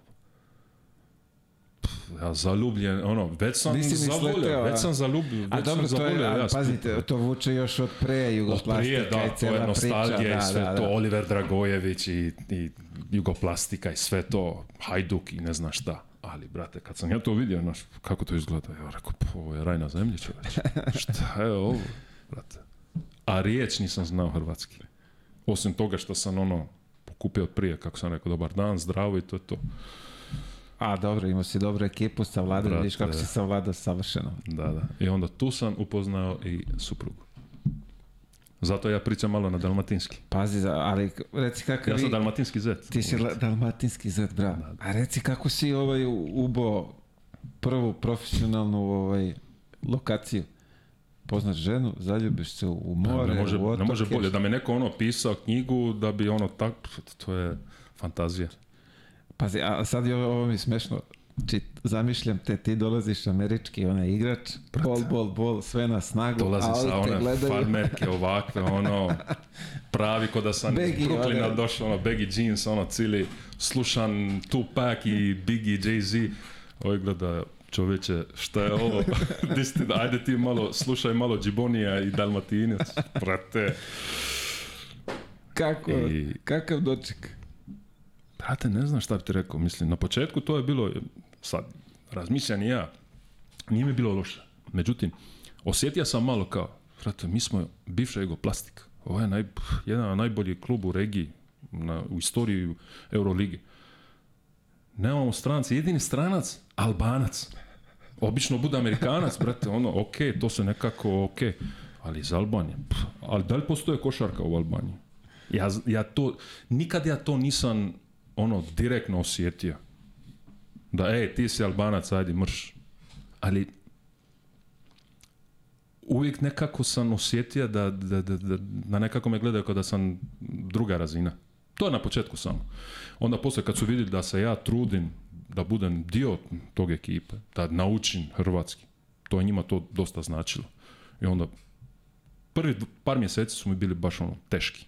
Nekako, nikako Dobro, da svaka nova sredina je Ali mogu ti reći ovo, Drago Pašalić, Roko Ukić i Ivan Tolić, što je bio treći ovaj mladi igrač tamo. Oni su bili savršeni prema meni. Oni su mi postali najbolji prijatelji tada, jer oni su i, pričali dosta engleski i mhm, stalno smo mhm, se mhm. družili. Ja sam tu malo zavolio tu priču i za Izašli smo vanka malo, ono... Dobro, vidi, ako te Drago vodi u grad, onda sve e, znam e, kako tada, to izgleda. E, ne, ne, ne, ne, ne, Ti, ti si upoznao Drago malo kasnije. Što misliš da je ovaj... Posle... Tada je bio dobar dečko. Evo tako? Poslije se on pokvario.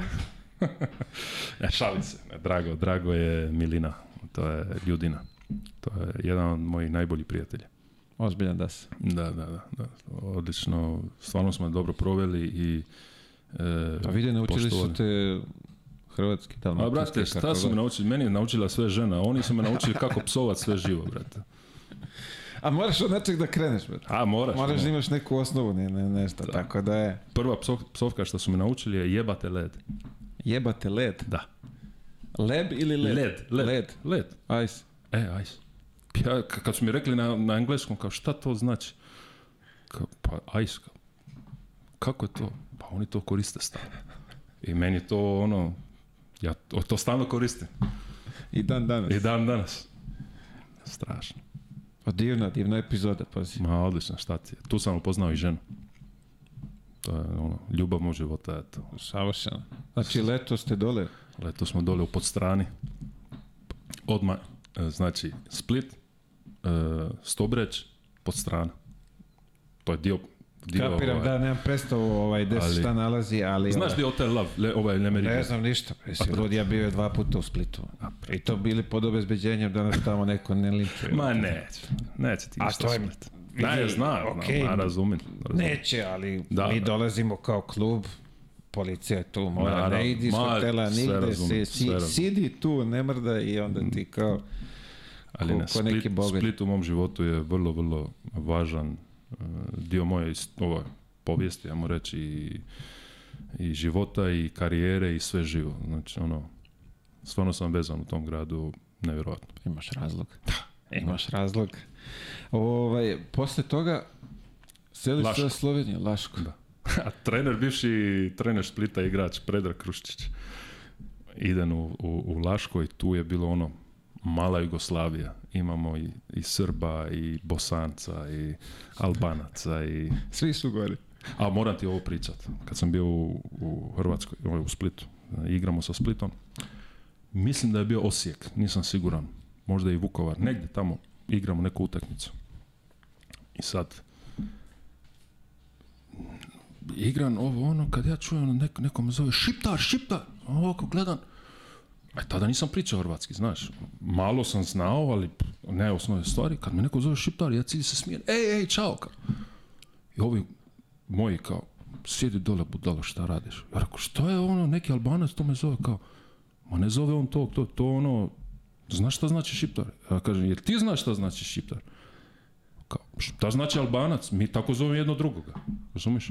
Kad su oni meni objasnili na koji način su oni meni zvali, kada zoveš nekoga ono, da ga vrijeđa. Da, da, da. nikako nisam to razumio. Jer, pazi, e, Kosova i Albanija imaju drugačiji, ovaj, znači taj povijest je drugačiji... mi smo bili totalno e, zatvoreni, zatvoreni i prema Kosovu. To što su Kosovari, Albanci iz Kosove su živjeli pod Jugoslavijom, mi nismo to osjetili, nismo, nismo imali te iskustvo, mi mhm. totalno drugačiji. E, Čak, ja se sjećam, kako ti ne pričaš hrvatski, ili ti to lažeš ono na početku? Ja rekao, zašto bi pričao? Mislim, ja sam iz Albanije. Pa kao svi Albanci pričaju.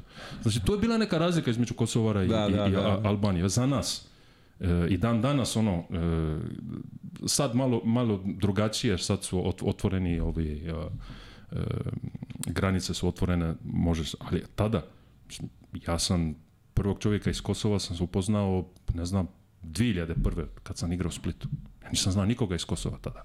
Razumiješ? I te neke stvari, te zajebancije na račun Albanaca i te, ja nisam pojma imao, nisam imao. I sad ja se sjećam ono, kad, kad sam to pričao Suprzi, ona umre, smije kao, ono, ej, šiptar, ja kao, ej, čao, kao, sjedi ti, dole, ti šta radiš? Ti se javio neka. ja, ja cilje sretom da neki albanac mene se pojavi, da. U, u Osijeku ili ne sjećam tamo negdje na severu. I ovaj, Čekaj, pojasni nam eh, sad kad si ovaj, spomenuo značenje malo pre što smo pričali. Na albanskom jeziku, Šipri je Albanija. Znači, Albanije to je međunarodni ime.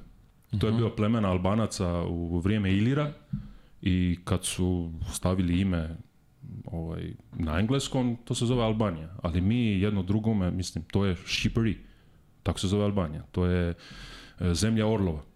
Okay. šiponja to je o, ovaj... Ora. Ora.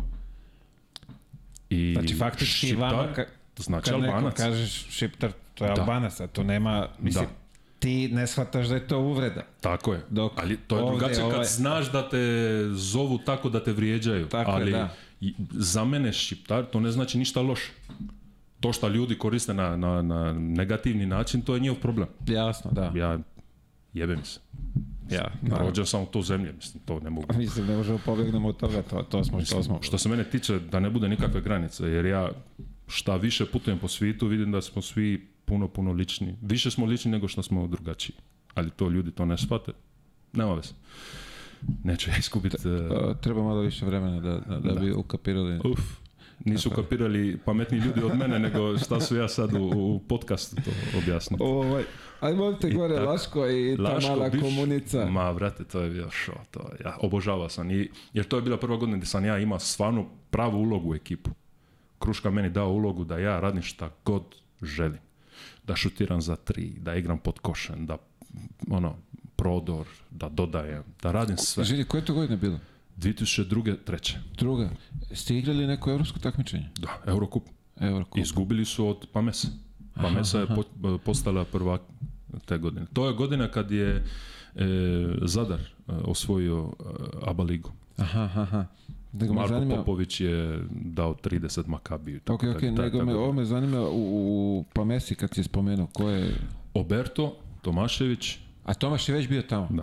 Bravo. Ja sam igrao protiv njega. Bravo, mi, smo, ja mislim, godinu posle, mi smo godinu posle, a ne mogu sad da setim.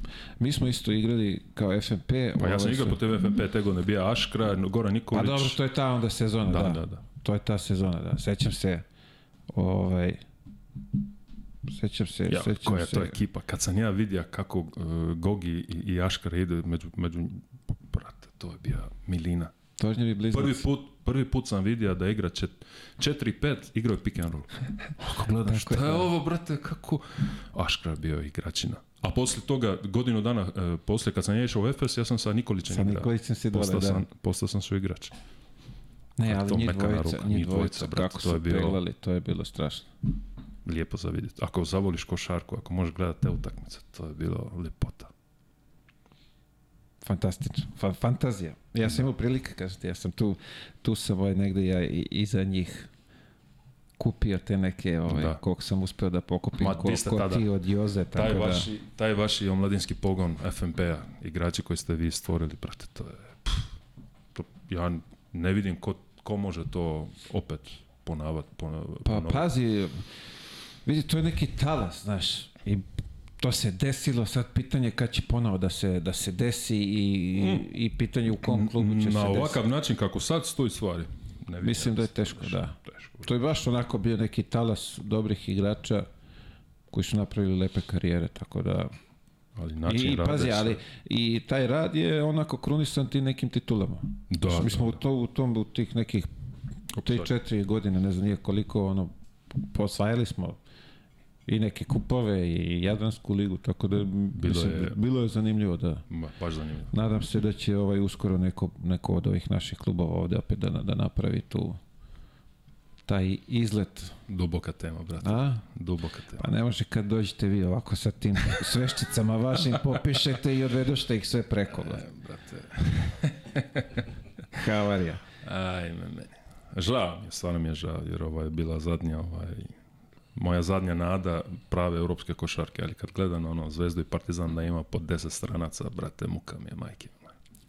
Da te ispravim, nema Zvezdu Partizan Mi smo dobri.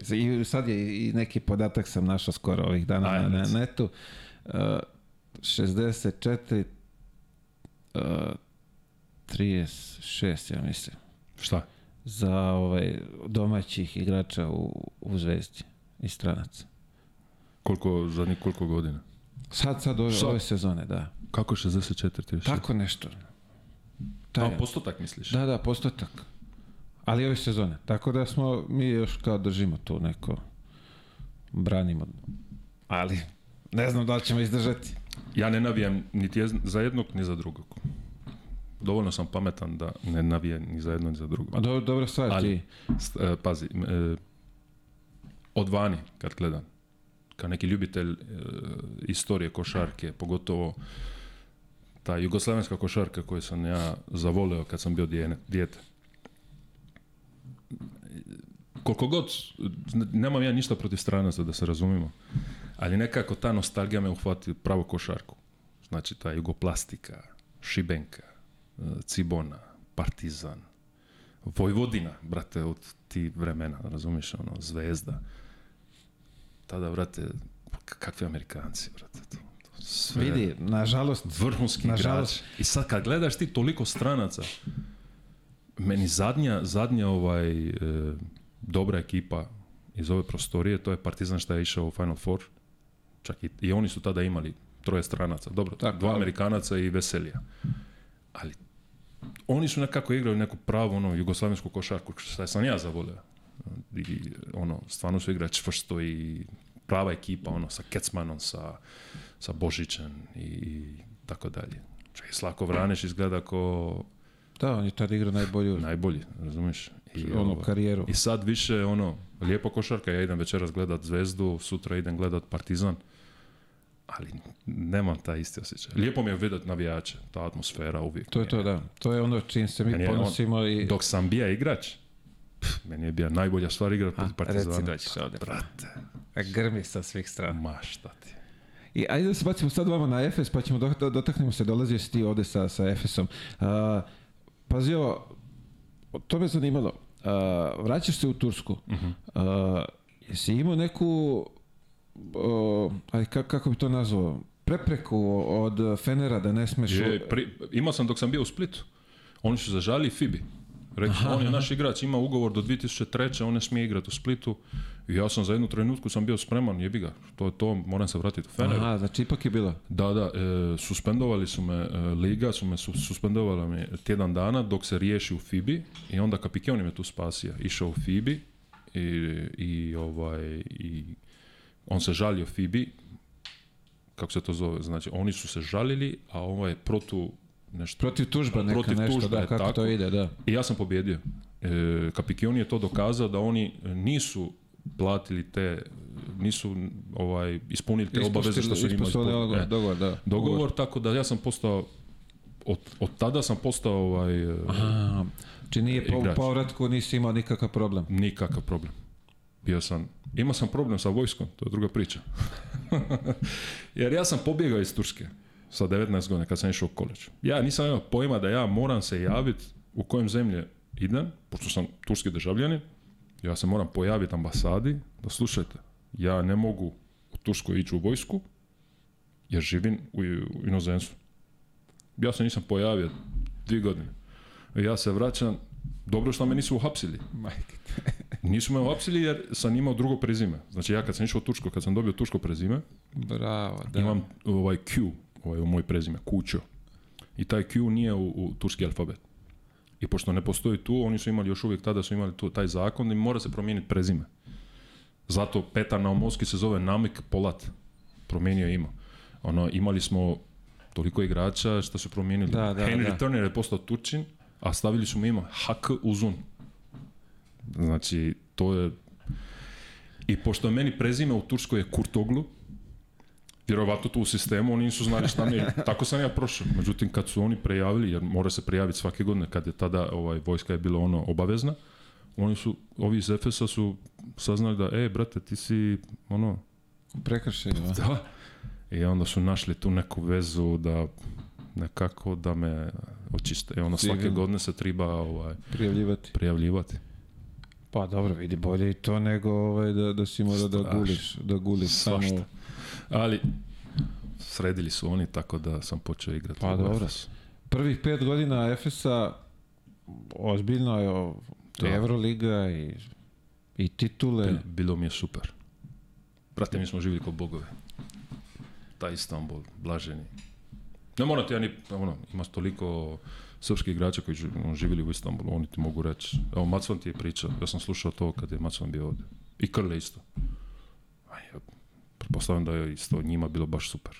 A meni, meni je bilo... Niko se nije žalio na, Brate, na Istanbul. je čudo jedno. Pa i, sada ovako kad pričamo o Efesu, kao, kao klubu kažu da su to takvi uslovi bili, verujem da su sad još bolji. Sad su da bolje. Tada kad smo mi bili, jesu bili ono najbolji u Turskoj, ali ipak smo se mi borili za neke stvari. Mi nismo imali fizioterapeuta u klubu do 2012. godine. Kako bre? Imali smo samo masar. Zajebaš. To je bila borba. Čekaj, silne pare daju, a fizije nemaju. Fizije nisu imali.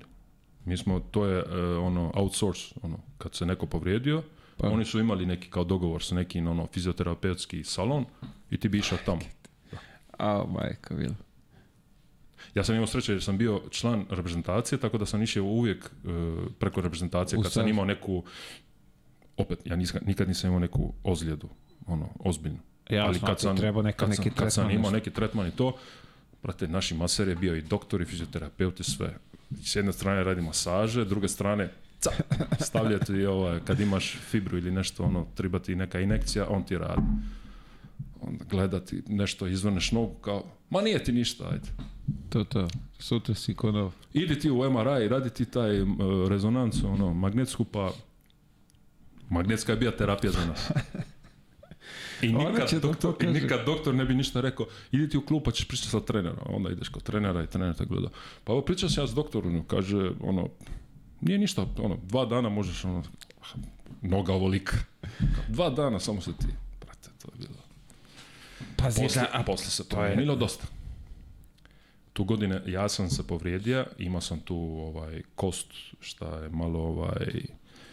Eh, malo nešto iritirao, to treba sam ovaj, e, čistit. Kerem golom je imao ovaj križni ovaj ligament i onda su oni tu skužili da treba nešto ozbiljnije ima i tada su oni doveli fizioterapeuta full time da bude s nama. Znači tek kad, šta dan danas. Kad, kad pokidaš ligamente, onda kao, e, vidi sad nam treba fizika. Pa promijenili su doktor, pa tako dalje. U, usluge su. A dobro, napreduju. Mislim, sve je proces i treba vreme. 2011. 12. znači prije 10 godina. Puf, pa nije to... Ovaj... Sad je, sad je, ono... Verujem daleko bolje, da. Da. I kad si spomenuo sad Keren Golnuma, Golnuma, Golnum, Golnum, Golnum, ovaj, ima jedna stvarčica ovdje čuo sam, pa bi ja voleo ovaj, prvo da te pitam da li to je istina, a ti da mi, ako je istina, da mi potvrdiš i kako se to desilo. Ovaj, kaže, priča da si mhm. polomio neke lavaboje, onaj sink, da si polomio nešto se ja. da, pa je kernem nešto pao, iseko se. Ja? Da. Ja, sad vidiš o kako je. Pazi, ja sam toliko težak da bi se odan neki lava bobi, vjerovatno bi ovaj, napravio štetu, ali to se nikad nije desilo. u UFS? U UFS. Ne, dobro. Dobro, onda ćemo, ovo je pogrešna, pogrešna informacija. Sad ćemo krivi, da? krivim što mi je dao informaciju, ali dobro. Ajde, molim da, zovi ga sad. Ne možemo sad da, da ovaj. Ne praktikujemo. A, okej. Okay. Kaže nešto da si polomio neki lavabo, Kerem je tu sedio nešto pušio cigaru, pao je i on, iseko se, pa je, ali cigaru kaže da nije puštao iz ruke. Sad se sit, ali nije, a, vidiš, brate, a... samo se kupa, nije se ništa, ja sam mislio, desilo se, e, to, ali nije se desilo da se on, a zna, ko ti je rekao sad. Sad sam se sitio. A da, ti da, sad nam pojasni kako je to, ne, da nam znači- dočaraš tu priču. brate, nije, nisam ja bio kriv, nego je bio lavabo što je bio baš ono loša kvalitet i nije... Kineski? Pa ne znam odakle je bilo sad. a kao vidi, rekao bi Nisam ja seo, nego sam nešto kao takao, a, brat je sija na to. To je problem. On je sjao na taj lavabo. I kad je pao, cigaretu ovako drži. A cigaretu ne pušta? Ne pušta. Da, da, sad se sjećam. Brate, šta smo sve radili. Sad se sjećam. Da, da, nije pogrešna informacija, ali mm. nije nije toliko ono da, da se on povrijedija ili da se nešto ono... Kad bi do krvi malo, a? Ma ne vjerujem, ne sjećam se da je bio e. krvi. ali cigare se ne pušta. Cigara se ne pušta. Kaj, brat. cigara, šta ti? Čekaj, istina da je prepravio neki kombi ovaj, za svoje potrebe da, za, za treninge da može da se vozi? Da. Ali to je nešto, ako sam razumio, onaj neki... Posebni. Posebni, da. Da, da. Da je išču i Priča, neće priča. Jordan Farmer je naš eh, kao suigrač i tada je Tesla počela biti ono prva godina kad se Tesla je eh, ovaj eh, kako se zove, pojavila na tržištu. na tržište to i on je bio jedan od prvi koji je kupio to i onda nas priča sad kao, e, sad vidiš na aplikaciju imaš imaš Tesla, ono, sad uđeš, ja sad kad recimo vani pada kiša ili pada snijeg, hladno je, ja stisnem buton i počinje auto da radi, Vidi, znaš. što se smijem, čuo sam, molim te, a ispričaj. I, kaže, Kerem, ja to već imam nekoliko godina, ovo e, Jordan, molim? Da, ja zovem Jasina i kažem, Jasin, hladno je vani, upali auto, dolazi. E, brate, kad je on to rekao, mi smo umrli od smijaja. Čuo sam, čuo sam za ovu pa... Ali ti mrtav hlada, to nije bilo ono sad, ono kao, u momentu, jer on cilj je ono kao, evo vidiš sad, i pokaže na aplikaciju kao, ja stisneš ovaj baton, auto počne, ono se zagrijava i to. Ja već to imam dvije godine, kao, kako ti to imaš, odakle sad, ne, kaj je zove, jasine, upali auto, brate, hladno je. I kad uđe auto, je toplo, brate, E, Recimo, te ovaj sad pričao je sama za tu anegdotu, da plako sam smeha, sad si me podsjetio, bro. Reci, ovaj se hvali Teslom, kao vidiš šta imam, što ja. E, znam da to zvuči malo prepotentno, da imaš vozača i da imaš tu auto i to, ali kad ti razmišljaš u svemu, e, ta gužva, neviđena gužva Vidi, ako pričamo o Istanbulu i Moskvi. E, Istanbul, da znači ta Istanbul, pogotovo kad si igrač tog nivoa, dva puta dnevno trening, samo da voziš i odvoziš, to, to, uzima energiju od tebe, razumiješ? I stvari je u tome da zbog poreza, auto što ti kupiš ovdje recimo 50.000, u Turskoj uvijek je bio duplo. Tako da, e, bilo koje... Zašto duplo? Da bi štitili svoju industriju ili šta? Ma koju industriju? Nema, Oni nemaju. Ali industrija, porez industrija. Oni zarađuju više od poreza na sve nego, nego išta. I porezi su tipa 130%. Znači ja kad sam kupio svoj prvi auto, to je bio BMW 5 520i, znači ta auto u njemačkom tržištu je bilo tipa 20.000 eura, ja sam platio 49.000. Tako su bila auto. I sad, svi ti auta šta, šta su tada ljudi koristili, to su Range i BMW, to, to je minimum 100.000. Kerem je kupio taj Vito, ako se ne varam, tipa 70.000 eura, ulagao u tu auto jedno 15-20 da ga uredi kako triba unutra, ono bio sa televizijom, ono, baš ono, lipo. To mu je došlo jeftinije nego da bi, bilo, da, da bi kupio neku Panameru i neki Range Rover. To je prvo. Drugo, pošto platiš u turskim lirama, a plaćaš se u, dolarima. taj vozač nije ti ništa, nije ništa bilo ono da, da je ne znam koliko to se isplati. Jasno, pri tome ne voziš, ne umaraš se. Ne voziš, odmaraš se, recimo ideš u neki restoran, ne izgubiš pola sata dok nađeš mjesto za parkiranje, za mjesto za parkiranje, nego ideš iz restorana, uđeš unutra, kažeš njemu vrati se kad, kad triba i to je to. Puno je komodnije i, i, Jasno, i da. znam da to zvuči kao aj, jeben ti problema, znači, ali ipak tu kad dobivaš pol ure, sad vremena više ono odmara, to ipak znači. Vidi, uh, Moskva, Istanbul, to je, ko nije bio, nema nema predstavu o, o, čemu pričamo i to treba doživjeti, tako da, tako stvarno, mislim, ali za jasima i za grejanje, to je vrhunska priča. Vrhunska to. Imali šta jače? Brate, e, Ja imam ovako još dve godine.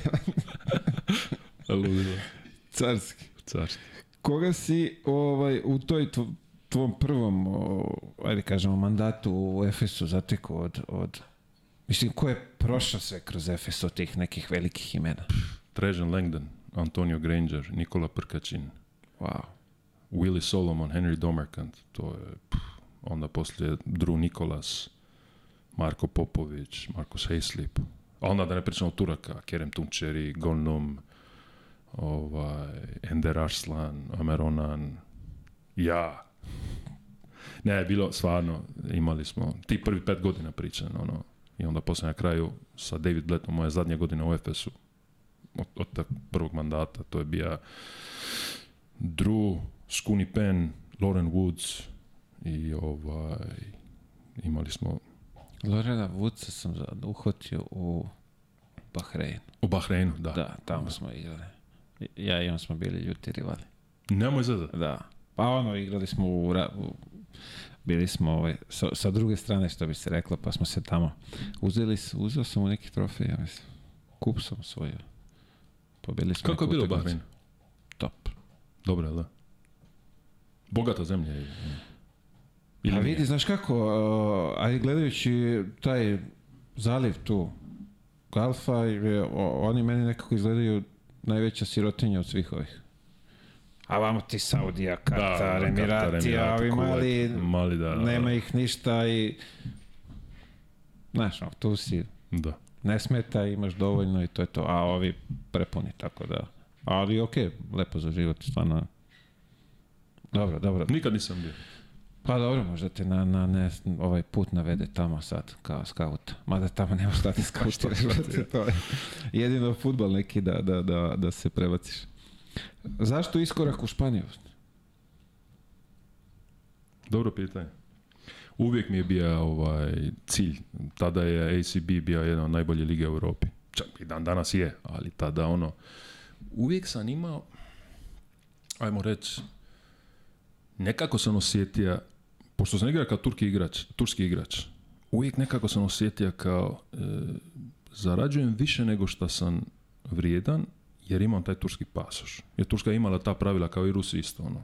Samo dva stranca ili tri stranaca na terenu, poslije četiri stranaca. Sad je kao drugačije, ali u te vrijeme e, nisi mogao imati više od tri stranaca na terenu. Uvijek mora se imati dva Turaka i to je igračima, turskim igračima dao malo više vrijednost nego što je Ovaj, e sad, takav je bio sistem, ja neću reći, ej, nemojte vi meni dati 100.000 više jer e, ja ne zaslužujem. Uvijek, uvijek sam ja i dan danas uvijek se pitan jesam ja toliko dobar, jesam ja toliko vrijedan. I to me nekako drži skromno i, i tjera me da, da radim više, da budem zaslužen za sve mhm, šta mhm, mhm, dobijem. Ja nikad nisam imao tu prepotentne očekivanje da, da, da više i više ja sam uvijek ono, to što zaslužujem, ne treba mi više. I nikad nisam gledao nikome koliko zarađuje. Šta više zarađuješ, meni je super. Ja samo želim to što meni pripadne, da ja... E, ono što smo se dogovorili pa da, je meni To je to, ono. I nekako počelo mi biti, sad gledam, prva godina, druga godina, treća godina, mi izgubimo Final Four, prije Final Foura, ne, ne ići. Izgubimo finalu protiv Ulkera, izgubimo u finalu protiv Fenera. I ta ona kompetitivna strana moja, natjecateljska strana, uvijek me gurala, jebote, nisi ti dovoljno dobar da pomogneš Efesu, da, da, da pobjedi. Imao sam vrhunsku sezonu tu sta, zadnju godinu, 2007. 2008. godine sa Efesom. David let je trener. I on je došao meni ono kao kruška u kruščić dole u, mhm. Sloveniji. Rekao mi je, slušaj, ti možeš da šutiraš, možeš da dodaš, možeš ići na prodor, ispod koša. Igra je opušteno. Ja ću ti dozvoliti sve. Jedino što tražimo od tebe u obrani, da mi ne propuštaš ništa. Ja rekao, dogovoran. Brate, ja sam ko konj radi. I tu godina ja sam šutirao 40% za 3. Dao mi je stvarno... Međutim, tu sezonu, u sred sezone, igramo protiv Partizana. I desilo, sad se desilo, da ne uđemo u tu politiku, bilo je prosvjede u, u Beogradu za ovaj Kosovo. Aha, aha, I onda američki depart, ovaj, department, State Department rekao kao Amerikanci nemojte putovati u Srbiji. To je, mislim da je dva tjedna poslije ovaj, eh, od Kosove nezavisnosti, mhm, mhm, šta su mhm, ovaj, eh, independence. I ovaj, ove naši amerikanci kao mi nećemo ići u Beograd. Pazi, pobjedili smo protiv Panathinaikosa prvu utakmicu top 16, drugu utakmicu na produžetak izgubili protiv Montepaski Sijena, ali igramo vrhunsko. Partizan tada ima ovaj Peković, to duleta ekipa, ono, vrhunska, super igraju. I ovaj, i stvarno se osjećamo da možemo i pobijediti. I, I, imamo šanse. Samo da završimo drugi, da možemo ono za Final Four na playoff. Međutim, ovi kažu da neće doći. I onda zove ovi iz kluba Euroligu, zove ono ministarstvo, ambasadu, ovo ono. Dolazi sve moguće osiguranje iz, iz Srbije da neće ništa biti ovde i morate ono, morate doći, utakmica će se igra, odigrat. Euroliga isto reka kao, mi imamo sve garancije moguće iz srpske države da ovaj da neće vam ništa biti, bit, bit, bit ćete ono osiguranje do, da, da, da, da. I to je bila zadnji, zadnji dan prije dolaska ovdje I mi smo se dogovorili kao, ok, idemo. I ja sam njega rekao, slušajte, ja sam albanac, ako treba neko da se, da se boji od toga, ja ne bi trebao da otiđem. A ja ću otići, neće ništa biti čovječ. Morate doći. I oni kao, ok. Međutim, taj noć, valjda su pričali sa svojim menegirima, ovaj, agentima i to, mi idemo ujutro u aerodrom, ne pojavi se Dru Nikolas, Andre Hudson, Lauren Woods i Rashad Wright. A dolazi Skuni Pe, naravno. Skuni je igrao zvezdi ovdje, jedva čeka da će u Beograd. On zna zašto dolazi. Pričat ću ti nešto o Skunija kad smo došli tu tada. Ja, Skuni i Kenny Gregory. I ostatak svi tur, Turci što su bili. I David Bled. Došli smo ovdje bez njih. Borili smo se mi protiv eh, Partizana. Eh, jedno, dvi četvrtine, onda poslije su nas ono, izgubili, ne sjećam se sad da, da ne lažem, ali više od deset pojedna smo izgubili. Škuni je bio ljud šta, šta nismo stali u grad, jer da nas bolje kao osigurira, stali smo negdje van Beograda, u nekom, šta ja znam, deset km od Beograda, na neki, baš lipi ono hotelčić, ali brate, izolirani, policije, ja u životu Mislim, ja mislim da bi američki predsjednik da dolazi ovdje ne bi imao toliko policije. Ja se sjećam, kad smo mi došli u aerodrom i kad smo ušli u autobus, gužva sa strane auta čekaju da mi prolazimo. Kad smo prolazili most, znači, to su bile kolone od kilometrima, samo da bi mi prošli. To ja u životu to nisam nikad, nikad nisam vidio. Skuni se naljutio što nije. nije... se naljutio. Šta, nismo mi u gradu, ima toliko dobrih hotela u gradu, zašto mi smo tu u neku rupu, ovo ono. Kao ti ja izaći poslije utakmice, jesi normalan čovječe, ne Znam zašto je Jedan put šta ja dođem u Beograd, mi ne možemo da izađemo. Šta će, oni meni voli, ja imam tu dosta prijatelja i to, vrat, to je pa da, on je rezervisto, verovatno bio klub da, sve da, posle da se ide. Skun jedva čeka i... pa vidi, nije samo Skuni, svi su koji su dolazili ovdje. ovde. Ali mislim, Skun je više bio ljut uh, na ovim našim uh, suigračima što nisu došli, pošto on nije mogao izaći, a ne pošto smo izgubili. Majke me moja, ako nije to tako bilo. Ali ovaj. eto, ta godina, ja sam dobro igra i onda zove mene Johnny Rogers, On tada je bio GM Valencije. I... Čekaj, on beše sad nešto Euroliga, li tako? Šta je bilo? Johnny Rogers. Šta je Devon sad? On je bio u Euroligi, on je sad u Washington Wizards, VP of Player Personnel. Wow, bravo. Johnny Rogers je meni dao posao u Clippers. Opa. On je meni otvara vrata NBA. Jer on kad je dobio otkaz po, poslije Valencije, radio nešto sa Euroligom, onda počeo raditi kao skla, scout, internacionalni scout sa Oklahoma City. Njemu je supruga Španjolka. Uh Eh, on u Valenciji ima kuću i sve živo, on je španjolski državljanin, on je, on je igra za španjolsku u, u olimpijadi u Sidney. Znači? da, olimpijada, kada je bio Sidney? Dvi, dvije, dvije, je, Da. On je tada igrao za Španjolsku u, u ovaj, I, da skratim priču, on mene zva i kao, ja želim da ti dođeš, Fotis kad si kaže bio trener, eh, ti si vrhunski za njegov sistem, E, ja mislim da ti bi ovdje bio super, ono, on, Valencija čovječe, ja gledam Dejan Miljole, e, ovaj, Milojević, e, Haris Mujezinović, tada ono Williams, ja gledam, to je vrunska ekipa za mene. Mislio sam da je to je super za neki ulaz u španjolsku ligu, jer mislio sam da ono, ako ideš direktno u Madrid ili Barcelonu, to je veliki pritisak, očekivanja, da, li ja mogu to ispuniti ili ne, možda Valencija će biti malo lakše i to, i ovo ovaj, ja ono, donesem odluku, imao sam e, ugovor sa Efesom još dvije godine, ali sam imao ono buyout. Mhm, to, mhm. I kad sam rekao Johnny da sve, imate, imam 350.000 buyout, ma mi smo spremni to platiti. Dali su meni debeli dvogodišnji ugovor, ovo ono. Ja rekao, dolazim. Ja idem u Valenciji. Brate, šta ti kažem? I Fotis i Johnny su dobili otkaz u novembar. Doveli su Kosta Perovića, koji igra petica E onda dolazi Neven Spahija. Če Kosta, do, su Kostu da. iz... Uh, kad, iz Golden State. Golden State. Pazi, Kosta nije bio, znači, kad sam ja potpisao, meni je rečeno bilo da ti ćeš biti prvi centar, imamo Albert Miraješ i četvorka je Floran Pietrus i bit će još jedan. A nisu mi rekli da taj još jedan će biti Kosta Perović. Sad, meni se zatvara tu prostor da ja, da se razigram. Mislim ja početak sezone, ja sam počeo malo znaš i sam, Španjolska liga prva godina za svako strana, za svaki stranac je teško se probiti. Mislim, ja tamo ne pričam ni španjolski ni ništa, meni je bilo teško na ono, prvi par mjeseci dok sam ja počeo pričati španjolski da, da prebijem taj zid, razumiješ? Još ovi suci kako te gledaju prve godine, ono, sataret. Tako da ja sam već znao da, da će mi biti teško, ali nisam očekivao da će mi biti toliko teško da se ja, ono, da budem dio ekipe i to i dolazi Neven, prva stvar šta on radi, on do, dovede još jednog igrača, Matt Nilsen. Dovede Meta iz s Ritasa, Australac. Prate, mi smo ovako u centru. Ono, nema kap kap, ono, nema mjesta. Jednu utakmicu igraš 10 minuta, jednu 30, jednu 5, jednu ne igraš. Nikakav ritam da uhvatiš, razumiš?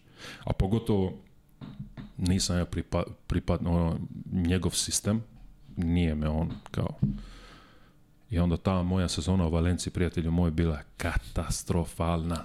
I pored... Što se tiče košarke. I a vamo, ali sin, pored... Sin mi je rođen u, u, u Valenciji.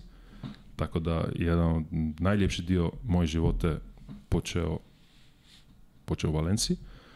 Ali, brate, košarkaški, ja sam bio depresivan. Ne igram. Trener me... Ono, Jasno. Znaš, Jevi ga.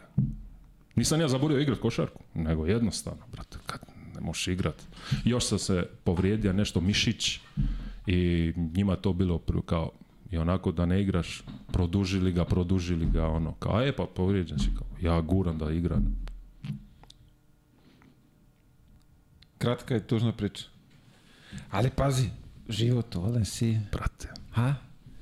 Šta bi sad... Meni je, meni je toliko muka bila na terenu da ja nisam uživao u tom životu, brate. Pazi, gradio sam vrhunske prijateljstvo i dan danas sa Čečom Ulerom, što je GM sad, ja je pomoćni trener. Alfonso Castilla, što je tamo ovaj delegado bio sad ono timski menadžer. To su prijateljstvo, što i dan danas mi se čujemo na telefon i pričamo i ne znam šta. Onda sam od su Dan danas Vule Avdalović jedan od mojih naj, najdraži su igrača svi vremena i super prijatelj. Evo, prije nego što sam došao bio sam s njim na, na kavu.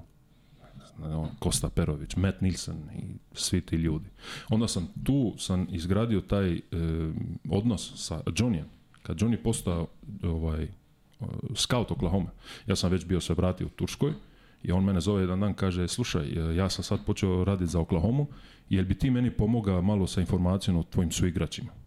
I tada ono, mi smo imali Jordana Farmara i Saša mhm, Vujačić mhm, i mhm. tako dalje, ono u Efesu i onda poslije ja kad sam išao u, u, u Bambitu, onda smo imali Semi Mehija i tako dalje, ti igrači, ona Dušan, e, ovaj, i tako dalje. I onda sam ja stalno njemu to dao informaciju. Onda počeo on to malo širiti kao, e pa jel bi ti mogao dobiti informacije za druge igrače što su u drugim ekipama, e, ono, Bojan Bogdanović, Emir Preljić i tako dalje. Da, naravno da da. I onda, kako on vidi kako ja njemu, ja mu njemu pišem, a ja ne znam pisat ono kratko. Ja volim kontekst, ja volim ono uču dubinu. I ja njemu sve, ono, kaže, brate, nisam te toliko pitao, ali to mi je super što ovako pita, ovaj, pišeš, jer meni to stvarno pomogne, ali znaš šta, ti stvarno imaš, imaš nešto u sebe. Jel, jesi ti kad razmišljao da budeš scout NBA? Ja rekao, pa nisam, kako to? Kad mi je Tom to rekao, on mi je to rekao, ja sam bio, to je bila druga godina u FS meni, treći put, 2013. Prije nego što sam se prebacio u Bambit. Kad mi je on to rekao, on nam je rekao, slušaj, ja ću ti poslati par ovi moji šablonski ovi report šta ja pišem, za neke igrače šta sam pisao, aj ti meni čitaj to i onda kako to gledaš, onda piši ti svoje reporte za e, Boška, za Bojo, Bojan Bogdanović, mhm, mhm, mhm. za Predzića i za Stanka Baraća. Ja rekao, može. Ja sam, brate, pisali ga, pisam, to su romane. Kaže, ja ću te pomoć da ti malo to ono, uljepšavaš, a neke informacije su nepotrebne, neka ono, šta mi gledamo za NBA, ovo ono, i aj ti malo više gleda NBA. Pazi, ja sam veliki ljubitelj NBA-a, ali ja sam uvijek volio europsku košarku pri NBA razumeš?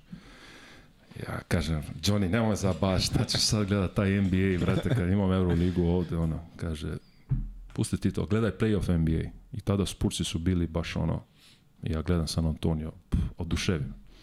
I pratim ga, pratim. I počeo sam da razumiješ? I onda vidim, rekao, i on mi priča kao, da, ono, idemo mi iz jedne utakmice, a druga utakmica putujemo, ovo, ono ono, samo da Ja rekao, čekaj, oni tebe plati da ti ideš po utakmicama, da gledaš košarku, a?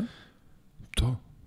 Najbolji hotel pa odličan, i, da, pa odličan posao, šta ti je, pa super. Jel mogu ja to raditi? Naravno da možeš, zašto ne bi mogao? Ti pišeš vrhunski engleski, ti je super, pričaš sve jezike. I to je veliki prednost meni, da pričam jezike. Ja mogu E, sa španjolskim trenerom pričati na španjolski. Jer kad ti ideš sa španjolskim trenerom pričati na engleski, on neće ti dati sve informaciju i ne možeš ti imati taj odnos s njim e, kad pričaš na engleski. Prvo, njemu njemu je ono napeto da priča s tobom na engleski. Da, da. Pola stvari on ne zna da ti objasni. Tako je. Jer njemu stvarno ono, njemu stalo da priča engleski. Znači sam bija si u Španjolsku. A, znači, ja pokrivam bivšu jugu, Italiju, Španjolsku, Tursku, mislim ti, cijela Evropa, ja mogu da pričam sa svim na, na svoj jezik. Razumiješ? I to njima, ono, tako sam ja zgradio i, i, i odnose sa ljudima. Meni, meni Oktaj, ono, uvijek se, se, se šalio samo, ti si kao kada radiš ono United Nations, kaže, jer ja idem, idemo igrat protiv Bolonje, ja sa Bazileom, Pocekon, ono, pričan, ovo, ono, idemo bilo kojem drugom, on sa, sa svim, brate, ja uvijek nešto pričam, ja reko brate, ne znam, možda će mi jedan dan ono, trebati, ali te igrače ja samo gradim ovaj da, da. E, odnos s njima i eto vidiš, dan danas to me najviše služio. a vi, lepo si ti to. Ajde, italijanski uh, e, TV filmovi, da. ovamo srpski, ajde, hrvatski si dole sa Španjolski preko ono, posle italijanskog španjolski je vrlo lak, engleski od ono, kad sam bio mal, albanski moj jezik, tako Koliko to jezika? Šest. Šest jezika. Svaka čast. Svaka čast. I to tako se upotrefilo da radi nešto što mi stvarno služi. Da. Nije to samo da stoji tu u muzeju i onda ka, to, to, e, pričam ja šest jezika. Aj, e, stvarno, ja pričam. Sad ih koristiš i, da, da, da, ima funkciju, ima funkciju. Ono, to, me, to je prva stvar što kad god šaljem CV ono nekome, prva stvar sam, u, šest jezika. To je nešto kao da imaš e, ono, diplomu iz nekog fakulteta to meni stvarno služilo. I koga god, s kim god pričam, šta je mlad, kažem, strani jezik. Brate, nema ljepšeg stvar da razumiš šale na svoj... Znači, ja mogu gledat film Mrta hladan i nasmijat se do kraja. Jedan od mojih najdražih filmova. A dobro, pregiki film, realno. Brate, to je vrhunski film. Ajde, možemo. Milunka turila struju Brate. A, pazi, znači, ja ja, se, ja se mogu smijat na turskom gledajući Jamie Ilmaza, jedan od najboljih stand-up e, ovaj, komičari.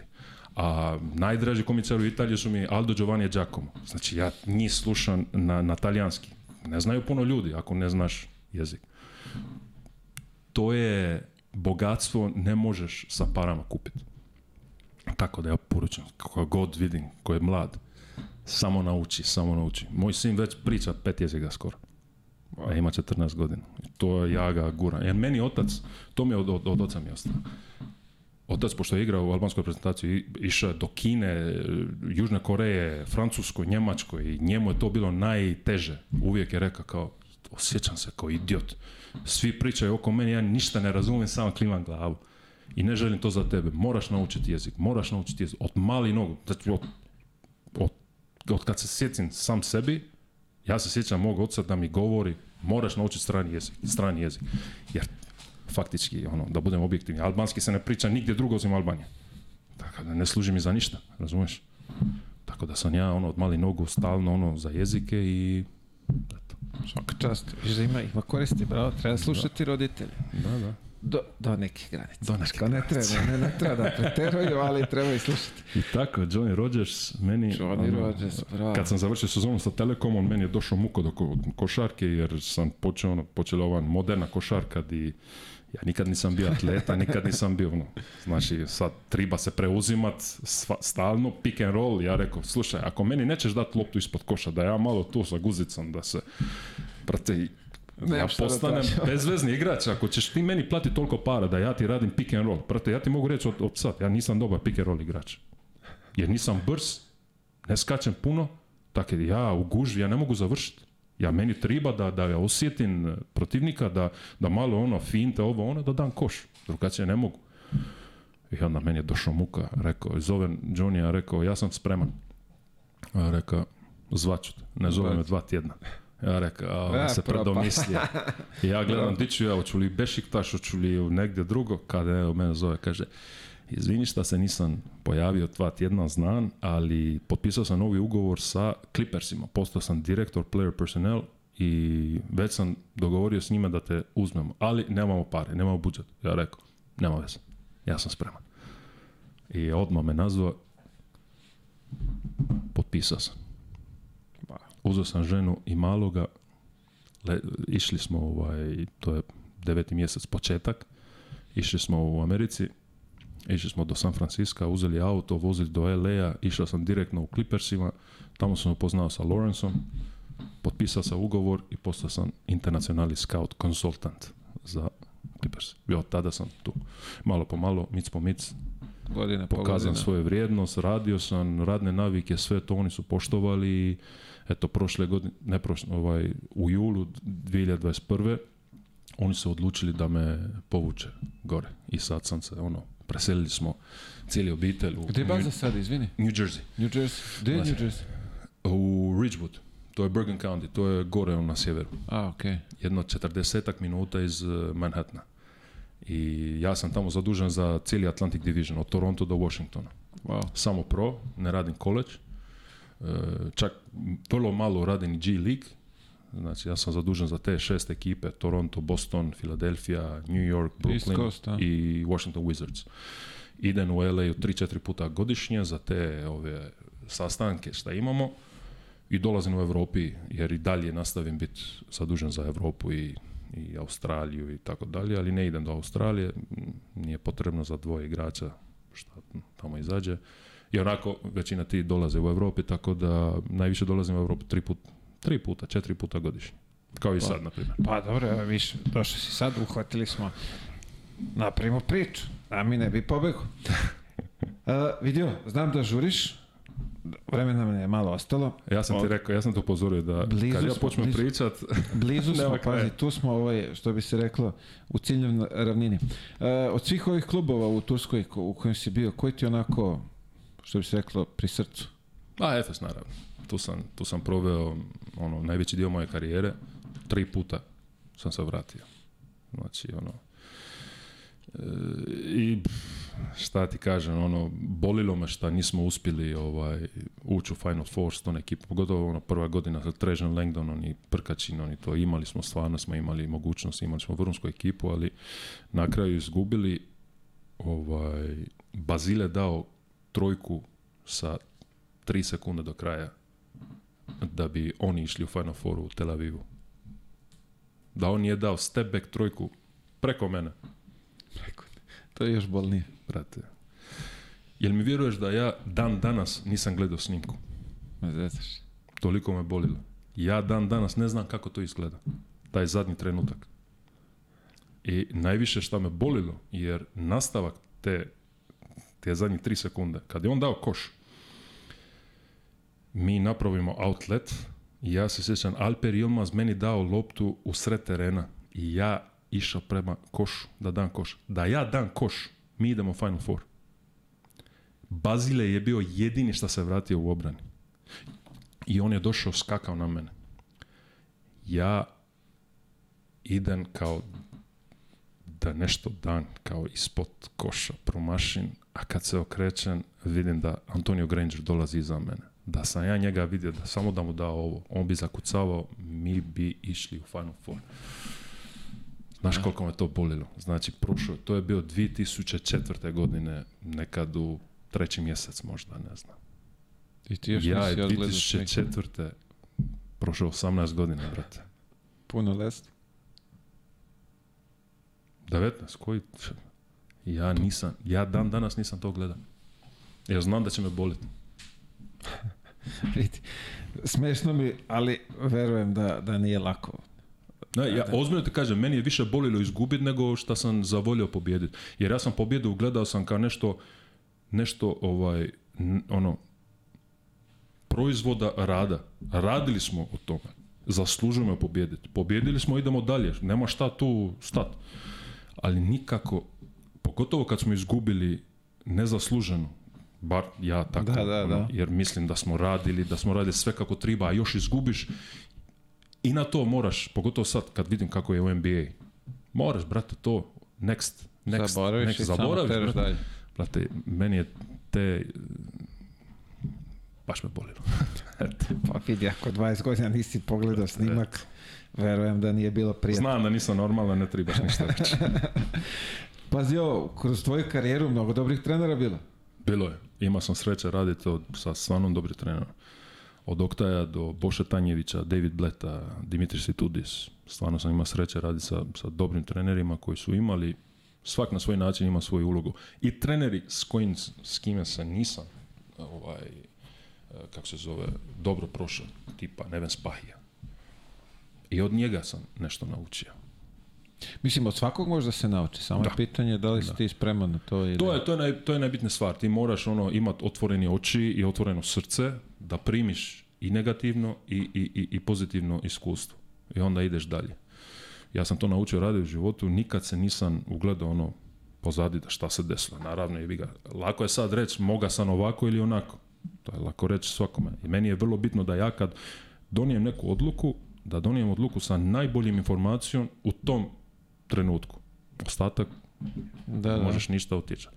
Sad kad ja gledam, ići u Valenciju možda nije bilo najbolje za mene, ali to je isto bilo iskustvo. Da sam ostao u Efesu, da sam, ne znam, ne možeš tako živjeti. Tako je. Ja sam donio tu odluku jer sam imao u tom trenutku kad sam donio odluku imao sam najbolje informacije i prave informacije, to je bila najbolja odluka u tom momentu. Poslije se stvari promijenile, ja, to, to nisu bili stvari gdje sam ja imao neki utjecaj. Tako da ne možeš. Kad nemaš utjecaj, nemaš šta više ono to stresirati i razmišljati previše. Jasno, jasno sve. E, kad bi morao da izabereš nekog od tih trenera, onako, da kažeš, e, ovaj mi je bio Bogdan Tanjević. Bogdan Tanjević. Znam da je stara garda, stara škola, neke stvari možda... Ali, stalno on bi pričao o, o Mirza Delibašića i nikad ne zaboravlja on, on je njegovi najdraži igrači. Ali ja sam od njega naučio puno, pogotovo na terenu. On je meni baš poštivao, baš me gura, baš sam po njegovom guštu bija igrač. To su njegove riječi. On je stvarno mene zavolio. Ja sam kod njega u turskoj reprezentaciju u Japanu igrao najbolju košarku. Mi smo završili šest e, na svitu taj, te godine od 2006. svjetsko prvenstvo. Ali kod njega to je bilo ono, bilo je toliko lako igrati za njega. Ne mogu ti opisati. Žao mi, je, žao mi je što mi nije bio trener u, u, u ekipu kroz godine kroz sezon. Bra, ti si samo... Samo reprezentacija. da, a u Feneru nisi, nisi Fener eh, zakačio. Ne, ne, ne, da, ti posle on je Fener, Fener došao kasnije, da. on je došao kad je došao u Turskoj dvije, ja sam već bio u Efes tada. Vidim, Boše, onako, ajde kažem, upoznao sam čovjeka. Ono, ali rekao bi da je onako Stara garda i Stara garda. Ono, ozbiljan das. Da, Pazi, on je za svakoga. Ako, ako ti ne, ne, voliš radit, ako ti ne možeš trpit kad te trener, jer ti on ono, jeba sve po svisku. Da, da, kad stvari ne idu kako treba. Ali on, on to radi od ljubavi. On, on, ti gleda kao sin. Meni je bilo gušt igra za njega. Ja sam obožavao igrat ko Boše. Uh, to je za te trenere. Imamo ovdje za, za tebe nešto od tih protivnika Ko ti je najteže padao za, za, za Nikola Peković. Brate, igračina. Brate, to je vrhunski igrač. Obožava sam igra protiv njega. Iako ti nije bilo... Brate, jer osjećao sam ono, ovo je muškara, ono pravo muški, muška košarka, brate, ono... Jer bili su oni koji se pravili ko da su, ono, tough, ali čini takneš, ono, padne po podu, počne nešto, mrzio sam to. Brate, kod njega, ja ga udarim, on mene udari, niko nikome ništa ne govori. Pa brate, to ja volim. Ono da se udariš, da se pocepaš, ono, brate, to je strašno. Ja sam to, baš sam obožavao. Dobro, uhvatio ste njegove one najbolje godine kad, najbolje je, godine, kad je kido po Evropi, da. Partizan, Panathinaikos. On, Mike Batista, sam obožavao igrati protiv njega isto. To je naše duele. I dan danas, Mike je sad pomoćni trener u, u Houston Rockets. Da, i ovaj, e, to sam imao srice. Svi igrači što su igrali u Europi ili su mi bili su igrači, svi su u NBA, brate. Drew direktor scoutinga u Denver Nuggets. J.R. Holden je direktor... direktor Holden je e, direktor player personnel i, i, GM Long Island Netsa i Brooklyn Netsa. E, Henry Domerkant je trener G lige u Chicago. Mike Batiste pomoćni trener. Pričaš Henry Domekar playmaker, ali tako? Ono dvojka šta je igrao da, da, da, u Efesu. Igra, je li beše za Bosnu igrao? Da, tako bra, je. Bra, Henry Domekar Kantović, da, da. gde si, brate? Kad god ga vidiš, ne, brate moj, how are you? Kao ono, da umrš smije. Znači, on, Skuni Pen, pomoćni trener u Memphis Grizzlies. E da, bra, njega, njega A, sam vidio. Trajan Langdon, GM New Orleans Pelicans. Bravo, da. Brate, svi ovi što su igrali u Evropi i onda sam skužio NBA-jaši, znači svi ovi executives, oni obožavaju Amerikanci koji su igrali u Europi. Jer svi ti, oni su nešto pokupili, naučili tu pravu košarku da, imaju eh, radne navike. Ali niko od njih nije zaradio 100 milijuna kao svi ovi bivši NBA-jaši. Jer većina ti bivši NBA igrači zaradili toliko da oni ne bi nikad radili za džabe. Ne bi oni počeli raditi kao scout ili ili e, trener za 50.000 dolara, samo da bi stavili nogu unutra da bi ušli. Prate, kažeš, da ja sam igrao za ono. Da, da, da, to je tako da, časti. u svakom ekipu ima igrači, igrači koji su igrao Njemačka, Belgija, Italija, brate, svugdje, to je nevjerovatno. Ja to nisam, nisam bio svjestan dok sam počeo sad živjeti tamo. Jer ja idem ono tri sata prije utakmice, uđem unutra, gledam, brate, ja sam igrao protiv njega. Aha, Ređe Reding u, u Filadelfiji. Gledam tamo skuni, čeka, ti si ovde, brate. S druge strane, Joe Blair u Washingtonu. Mislim, svi te igrači, što smo igrali jedno protiv tuga godinama, oni su svi tamo. Da, da, da, da. Što je dobro, pa to je super za mene, šta ti je? Pa da. To je sve network. Networking. Bravo, bravo. Uh, ovo me zanima, uh, najteži moment u karijeri? Topik. Šta? u 2005. godine u europskom prvenstvo. E, kao što sam vidiš, lijep sam, ali sam čelav. Pa I dobro, ja sam posle, nas, ovaj... poslio, po, počeo e, sam... Izvini sad što te prekidam. Uh, Zar nije bre u Turskoj dole to rade čas posla? Ma neću to raditi. Ne, ja sam Odavde svi idu dole. Ma, ima, ima čarter vode za Tursku. Pazi, meni supruga je reka da sam ja lip ovaka, tako da ja neću to promijeniti. A nećeš nabati Ako sam, ako sam supruzi, ako sam lijep njoj, jebe mi se za druge. E, bravo. E, šalj sa strane, znači to, ja sam sa 23-24 godina sam primijetio da sam počeo izgubiti kosu. Počeli počelo se otvoriti tu i onda nikako, ovaj, i imali smo par su igrača koji su radili upravo to, to je bio početak u Tursku, ono šta ovaj, naprave i, i nagovarali su i mene da idem kod doktora, da vidim šta se može raditi. I, ovaj, I prva stvar što mi kaže, ne treba tebi operacija, ono, na napravimo, ti možeš to vrlo jednostavno spasiti kosu, propecija. Što je to? To je neki lijek što se uzima protiv ovaj, izgubljenja kose. Pa ja rekao, ok, I ja sam to uzeo, pokazao sam našem doktoru i to, rekao, uzmi bez problema. Ja sam počeo to uzeti. Jedan tablet, jedan miligram. Nisam znao da unutra toga je E, aktivni glavna ovaj, e, lijek unutra je finasterid. I finasterid tu godinu, 2005. godina u januaru, e, su je doveli u listu za ovaj, doping. Ja to nisam znao. I mi idemo u Europsku prvenstvo u Crnogoru, igramo prvu utakmicu protiv Litve. Bio sam jedan od najboljih igrača Turske u tu utakmicu što smo izgubili. I odmah poslije utakmice doping kontrola. Ja idem ono, ništa, napravim ja svoje, izađem bez problema, igram ja do kraja Europsko prvenstva. I imali, eh, Oktaj nam je dao 2-3 dana slobodno, ja idem u Albaniju. Jer pošto smo bili Srbija na gore izgubili protiv Njemačke u Vrsaču, mhm, mhm. Vršac, Vršac, da. da. Da, da, Tu smo izgubili protiv Njemačke za, za u u finale. i to je godina kada je Grčka pobjedila, Tako ovaj, je. 2005. Ja iz Beograda letim za Tiranu, idem vidjeti svoje prije nego što počinje sezona. Kad mene zove Okta, kaže pao si na doping. Molim, kakvi doping? Pa da, pao si na doping. Kakav doping? Pa još uvijek ne znamo šta je, ali eto, došao nam papir da sad si suspendovan dok oni objavljuju šta se dešava. Meni vruća voda od glave do pete. Razmislim, šta sam ja napravio? To je neka greška, trener nema šanse. Pa ne zna ni ja. Idem ja u Istanbul, kad e, sletim tamo idem direktno u klubu, kad mi kažu kao imaš neki finasterid, neki ovaj Eh, diuretic, znači to eh, šta se uzima, kad se uzima anabolik steroid, onda piješ to da, da možeš eh, pišati, Ono, da, da, da, da, da, za izbacivanje. Da, izbacivanje. Ja rekao, šansu, jeste vi normalni.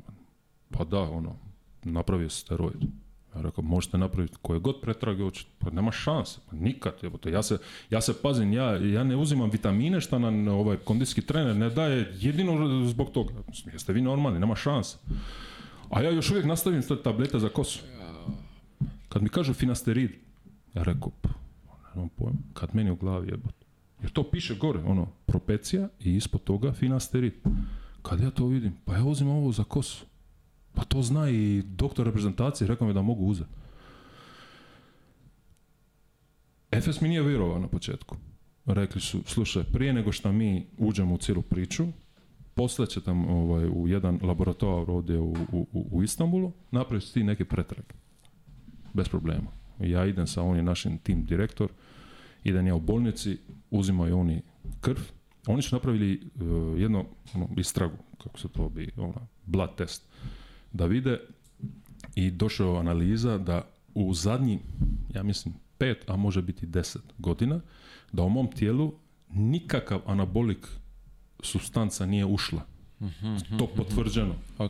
nije bilo.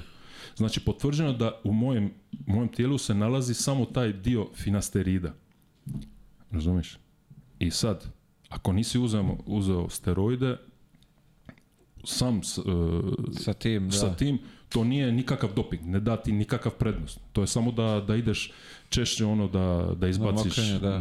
na I s tim Efes je vjerovao i onda su rekli, ok, mi smo iza tebe. I oni su e, uzeli advokata iz, uh, iz Lugana, iz Švicarske, da mene nastupa ovaj, protiv FIBE. Ok, ok, ok. I išao sam sa doktorom iz turske reprezentacije, sam išao ovaj, za doping iz reprezentacije. Ne doktor ko mi je rekao da možeš, on je dobio otkaz odmah, ali... Wow. E, s njim sam išao u Beču, gdje će se otvara druga boca, ovaj, test jer mi smo odmah smo kao tužili, želimo da se otvara. I sjeli smo tu unutra i sad ovaj iz doping profesor meni govori, slušaj, ja sam napravio istraživanje. I sad, ova, ovaj finasteride je jedna substanca e, za kojeg svi doktori e, antidopingi su e, ono protiv da bude u, u listi, jer toliko je slaba da može se napraviti jedan drugi test koji nije dio ovog anti, e, antidoping testa, ali može se to napraviti i vidjeti da li ima iza nešto ili ne. Slično ono što su mi radili aha, u Turskoj. I kaže, mi nećemo izaći iz tog laboratora u Austriju, jedino ako policija nam dođe da nam izvadi. Nećemo izaći od tamo bez da oni to naprave. I onda su zvali, išli smo tamo, mi smo tražili da ono rade to, oni nisu tijeli napraviti. I onda on je zvao Turgaj Demirela, koji je predsjednik Turski savez u to vrijeme, on je zvao pokojnik e, Baumana i kao, morate ovo napraviti. I on zvao doktor Fibe, koji je zvao dole u, u, i rekao njima, neka oni napravi na svoj trošak. I to je FS platio, napravi su to i imali smo papir da meni je samo taj finasterit se našlo. I onda smo išli, da skratim priče, išli smo u Dženevi, u i na taj sud i imao sam i odvjetnik FSA i odvjetnik eh, F, ovaj, Turske saveza i cijeli ono, delegacija šestero nas protiv ove iz, iz, iz FIBE i na kraju, ja sam trebao dobiti dvije godine. I na kraju oni su kao, ti si već dokazao da nisi uzeo nikakvi steroid, sve ok, ali mi te moramo kazniti pošto nisi bio oprezan. Znači, ti si imao sreće što je ta da, sustanca to je takva da, slaba da da ovaj, da je to bilo nešto drugo ti ne možeš dokazati da ti nisi to uza namjerno i zbog toga mi ćemo ti da šest mjeseci ja nisam igrao šest mjeseci 2005 meni prva utakmica je bila 23. 3. 2006. Wow. Protiv Panathinaikosa. Ma Šest mjeseci nisam igrao. Pazi, zbog ovo, pazi ovo. Poslije godinu dana šta je bio na listu, oni su iskinuli skinuli to. I meni je zvao, zvali su iz FIBE, rekli su. Trebaš da ih tužiš. Nema šta tu tužiti. A znam šta tada, tada čak i proslavljeni nogometaš Romario, on je isto koristio to, on je isto dobio kaznu zbog propecije. Has. To mi je bilo malo na kratkom Vidi, malo to i ima neka linija ta čudna šta može, šta ne može.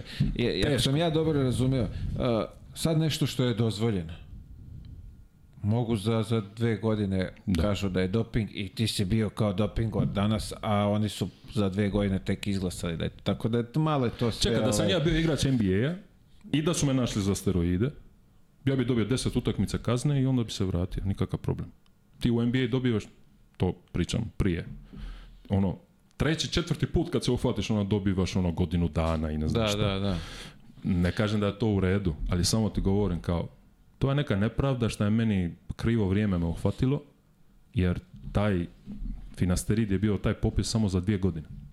Da, da. E sad, šta je sa mnom, što sam nije izgubio šest mjeseci svog e, ovaj... Užas, ali pazi sad ovo, evo ti, kad već, kad, kad smo kod toga, ispravim ako grešim, u NBA sad je trava dozvoljena, tako? Da. Eto viš. A i dalje se... je u cijeloj Amerike sad. Ono. Pazi. A i dalje se vodi... bez da, da čuješ. I dalje se vodi kao doping ako je gledaš po, po ovim svetskim standardima. Tamo je dozvoljeno. Ljudi igraju NBA, i igraju naduvani. Igrali su i ja kad sam bio, igrali su naduvani su, ono, ali Pogu sad kad, znači šta je sad, mogu da pretpostavim šta je sad Ma niko ne puši, oni su speedboard sportaši, profesionalci, brate, šta mislim. Zdrav život. Ja, nis, ja nemam dokaz. Da, da, to radi. ti, izvini, Zaborio sam, Zaborio sam šta smiješ da pričaš, šta ne. O, ovaj, vidio, kad si počeo razmišljaš o, o penziji? Koja penzija? Pa ovoj sportskoj, da završiš karijeru. Pa rekao sam ti, ono, kad to sam bio to. Telekom, meni je došao do ovde. Kad više nisi mogao da zidaš, dođe u reketu. Ne, e, kad sam kad meni više nije bilo zabavno, kad ja nisam više uživao u to što mhm, mhm. radim, kad meni pobjediti ili izgubiti bilo je svejedno, okay. onda tu sam izgubio želju i volju da, da, budem, da ide na trening. Meni je bio, ja sam uživao trening. Kad sam bio u Ankari taj god, te godine, to je bila katastrofa. Meni nije, ono, nisam uživao košarce. Ono, to mi je došlo dobro što sam ja imao neki backup ovaj scouting. Ali da nije bio scouting, ja vjerovatno ja bi, ja bi prestao taj Lito ja sam razmišljao kao, ma daću još jednu šansu, ali vrlo vjerovatno bi rekao kao, ne mogu. Nešto drugo, ili će otvoriti akademiju ili će nešto drugo. onda se upotrefilo da je scouting bilo ono najbolji sad spominješ akademiju, jesi razmišljao nešto šta bi radio posle karijere? nešto sam razmišljao da budem ono kao akademija, ali sad ja hoću gurat da idem šta, šta dalje, šta mogu. Da, da nastavim ovim putem, da ako se otvara, ako postanem toliko dobar da dobijem neku priliku na, na veći nivoj, asistant GM, GM, ne znam. Vidi, ja ti želim da ovaj, ili u Evropu u nekom dobrom klubu gdje ima neki plan, neki, neka vizija, Vidi, neki Evropa ti je to i... Ovaj, sa vizijom, bez vizije. Ovaj, ja bi ti poželeo ovako, pošto sve Clippersima. Ne znam kako ide to, koliko godina staža treba da bude, ali Lorenz Frenka da zameniš posle neke posle nekog određenog broja godina. Ne znam kako to funkcioniše, ali evo, to je, ja mislim, ok, to je... Moraš taj cilj da bi išta e, postigao. Mislim, meni nikad nije žao što ja, nikad, nikad nije mi bilo žao što nisam postigao biti igrač NBA. Možda je to malo ono van e, objektiv, nije baš objektivni. Ja, di ću ja ono, nikad nisam bio brz atleta, ovo ono, mislim, možda ja nikad nisam pripadao ovaj NBA, ali meni, meni je bilo dovoljno da ja imam taj cilj da meni motiv, motivira da, da ja guram sebe na, na, na maksimum. I zbog toga ja sam, mislim, nisam ja sad napravio nešto wow, ali s obzirom odakle ja dolazim, s obzirom da nikad nisam imao nikoga da me gura, da, mi bude ono, ja sam promijenio šest agenata u, u, u karijeri. Znači, ja znam koliko ljudi su ovaj, mi rekli da nećeš ti ništa, neće ništa biti od tebe. Ja sam to koristio kao motivaciju. Meni, ja nikad nisam bio ljut ljudima koji su mi rekli da ti ne vridiš. Aha, dobro, super. to je meni nešto. Super, to, to me samo, samo me dao. I druga stvar, ja sam uvijek bio strpljiv. Ja mislim da to mi je bilo ono najveća stvar u mom životu. Strpljiv. Brate, ti ne možeš napraviti kvantum pomak sa jednim treningom. Ne možeš ti postati dobar šuter, samo pošto si u jednoj, jedan trening si ubacio Sto trojke. Brate, to moraš biti uporan svaki jebeni dan dok ti bude dosadno, dok ti možeš ono sa zatvorenim očima dati onaj taj urok. Meni, moji prijatelji, da e, jevate, samo jedan pote si napravio uvijek ono lijeva, ovaj, od lijeva ramena si dao ono taj hukšat i rekao, jesi ga kad zaustavio? to, to. Mislim, ja sam to napravio karijeru. To što se tebi ne sviđa, to, to je tvoj problem. Ja, od ja živim. Da, ja od toga živim. To je bio 70% ubačen. To, to nije, a to nije bio slučajno. Ja sam stvarno radio ko konj, ja sam znao svoje nedostatke i imao sam strpljenje da dođem do toga malo po malo, mic po mic i nikad se ništa, ovaj, ja znam šta znači živjeti ono u naj, najdonji, ja se ne bojim vratiti se tu. Tako da šta god ja dobivam u životu, to je zbog napornog posao i rada i ja samo tako znam funkcionirati. Bez rada ja ne bi bio nigdje. To ne znači da sam ja u pravu za druge, ali ovo je služilo mene na najbolji mogući način. I nastavi tako biti. Pa shvatam te. Tako da. Shvatam te i razumem te. Razumem te poprilično. Ja sam isto krenuo iz nekog malog sela, pa nije loše. nije loše bilo. Ne bih rekao da je bilo loše. A, nije loše bilo. O, ovaj, vidio, aj sad ovde ti, ovo sad nekako iznio to je, može da se podrazumeva, i, ali savete za mlade Ove sad što si iznio donekle, aj možda budu i, i saveti za, za tu mladu generaciju, ali... Pazi, e, suludo je da kažem, e, opet, to je neka tema dublja, treba još tri sata da pričamo o tome. Problem je u tome da današnji svit, e, svi misle da može biti e, zvijezde, bez rada, jer oni samo pokazivaju LeBron Jamesa i Michael Jordana i Kobe Bryanta i Steph Curry ali niko ne stane da razmišlja koliko Jamesa i Michaela bilo dok su došli do, do njih. Znači, oni pokazuju tu slavu 15 minuta, a niko ne pokazuje šta se dešava poslije iza zatvorenih vrata, koliko to krvi i, i, rada, koliko, koliko je Kobe Bryant bio manjak, on je živio ono od 24 sata dnevno, on 22 sata, on je živio za košarku, samo 2 sata spava. To egzađerira malo, ali što ću hoću reći je ljudi vide samo oni što su uspili. Mm I mhm. onda kao, lako je njemu on zaradio pare. Prijatelju, ima i hiljada ovi što su, nikad nisi čuo, što su bile talentiraniji možda, ali nisu radili dovoljno. Nisu imali cilje, nisu imali smisao, nisu imali viziju, nisu imali motivaciju. Ima i dosta. Ono, meni dolaze kao, e, ti si, ti si bio visok, ti si imao sreće. Brate, sreće nema, to ne postoji. Sreće, možda postoje neke druge stvari, ali sreće prati onoga koji radi sve da ta sreće da ga sredi. Ne znam, ne znam da mi je sreće tu dovoljno... Ne, ne, dobro si objasnio, da. E, je, ja sam imao sreće, da. Imao sam sreće da sam e, našao najbolju ženu za mene. Znači, moja supruga je jedna vrhunska žena koja je svoj život, znači ona je moj support sistem, ja bez nje, ja ne bi bio onaj šta sam sad. Ona meni dozvoljava da ja radim šta radim, a ona je i mater i žena i ona, ona drži sve na noge. To možda je sreća što sam ja e, sreo takvu ženu sa takvim, e, takvom srcom i što je toliko pametna. Ali nije sreće što sam ja radio ko konj, što sam ja e, stvarno sam ulagao u, u ljudskim odnosima, šta se zove networking na fancy. To su ljudske ono- odnose. Ja sam zvao Bazile, ja sam zvao Poceko preko Liti. Ja sam njemu, njima poslao poruku, nisam ja to radio sa, e, sa ciljem da nešto dobivam od njih. Ali ja vjerujem, ja sam, ja sam puno e, sretniji kad imam više ljudi u svom životu s kim nešto dijeliti. E, i ja sam držio neki odnos sa nekim ljudima iz Italije samo da bi mogao pričati talijanski.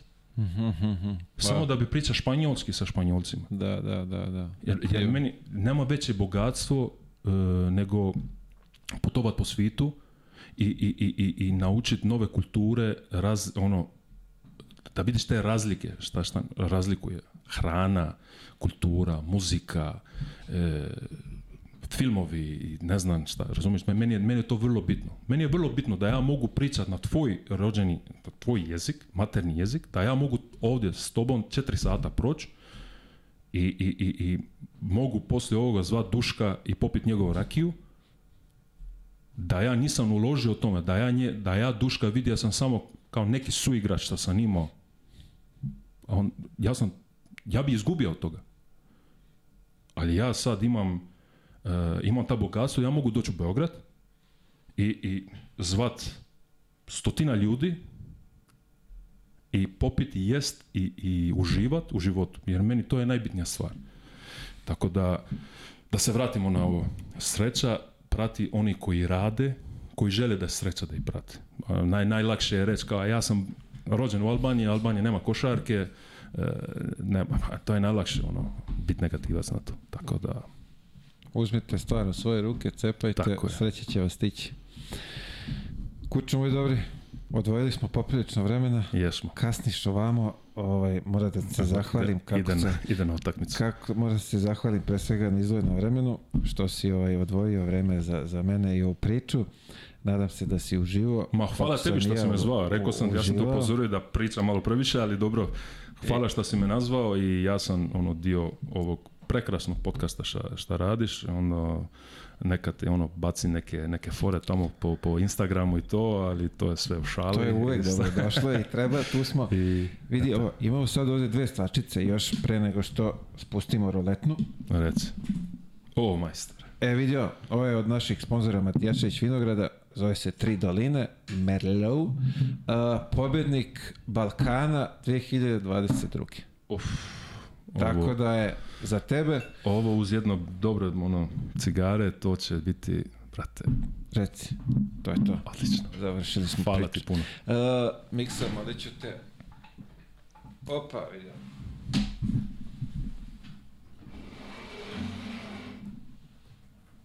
Aha.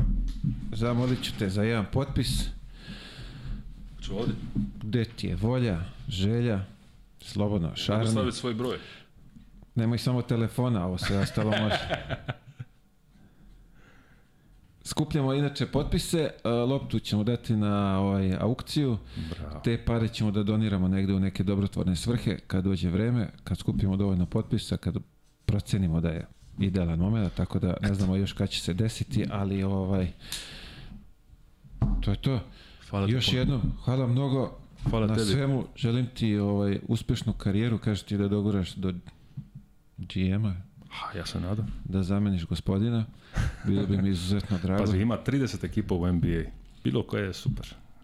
pa ovaj mi malo nervira, e, pa zbog toga ti meni ne, pazi, meni je on super. Ne, ne, a to je naj, najbolji gazda za tebe, ali ovaj, iz mog iskustva nije baš se pokazao dobro, ali ne veze.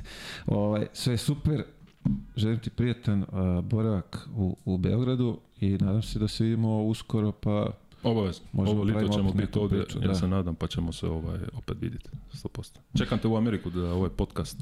E, da, pričali smo o tome, e. zanimljivo će biti. Ajde. Da upakujemo ovaj slušalice, mikrofone i da kupimo karte. Ljudi, hvala vam još jednom na izdvojenom vremenu za nas i ovu divnu priču. Uh, vidimo sve sljedeće srede. Pozdrav.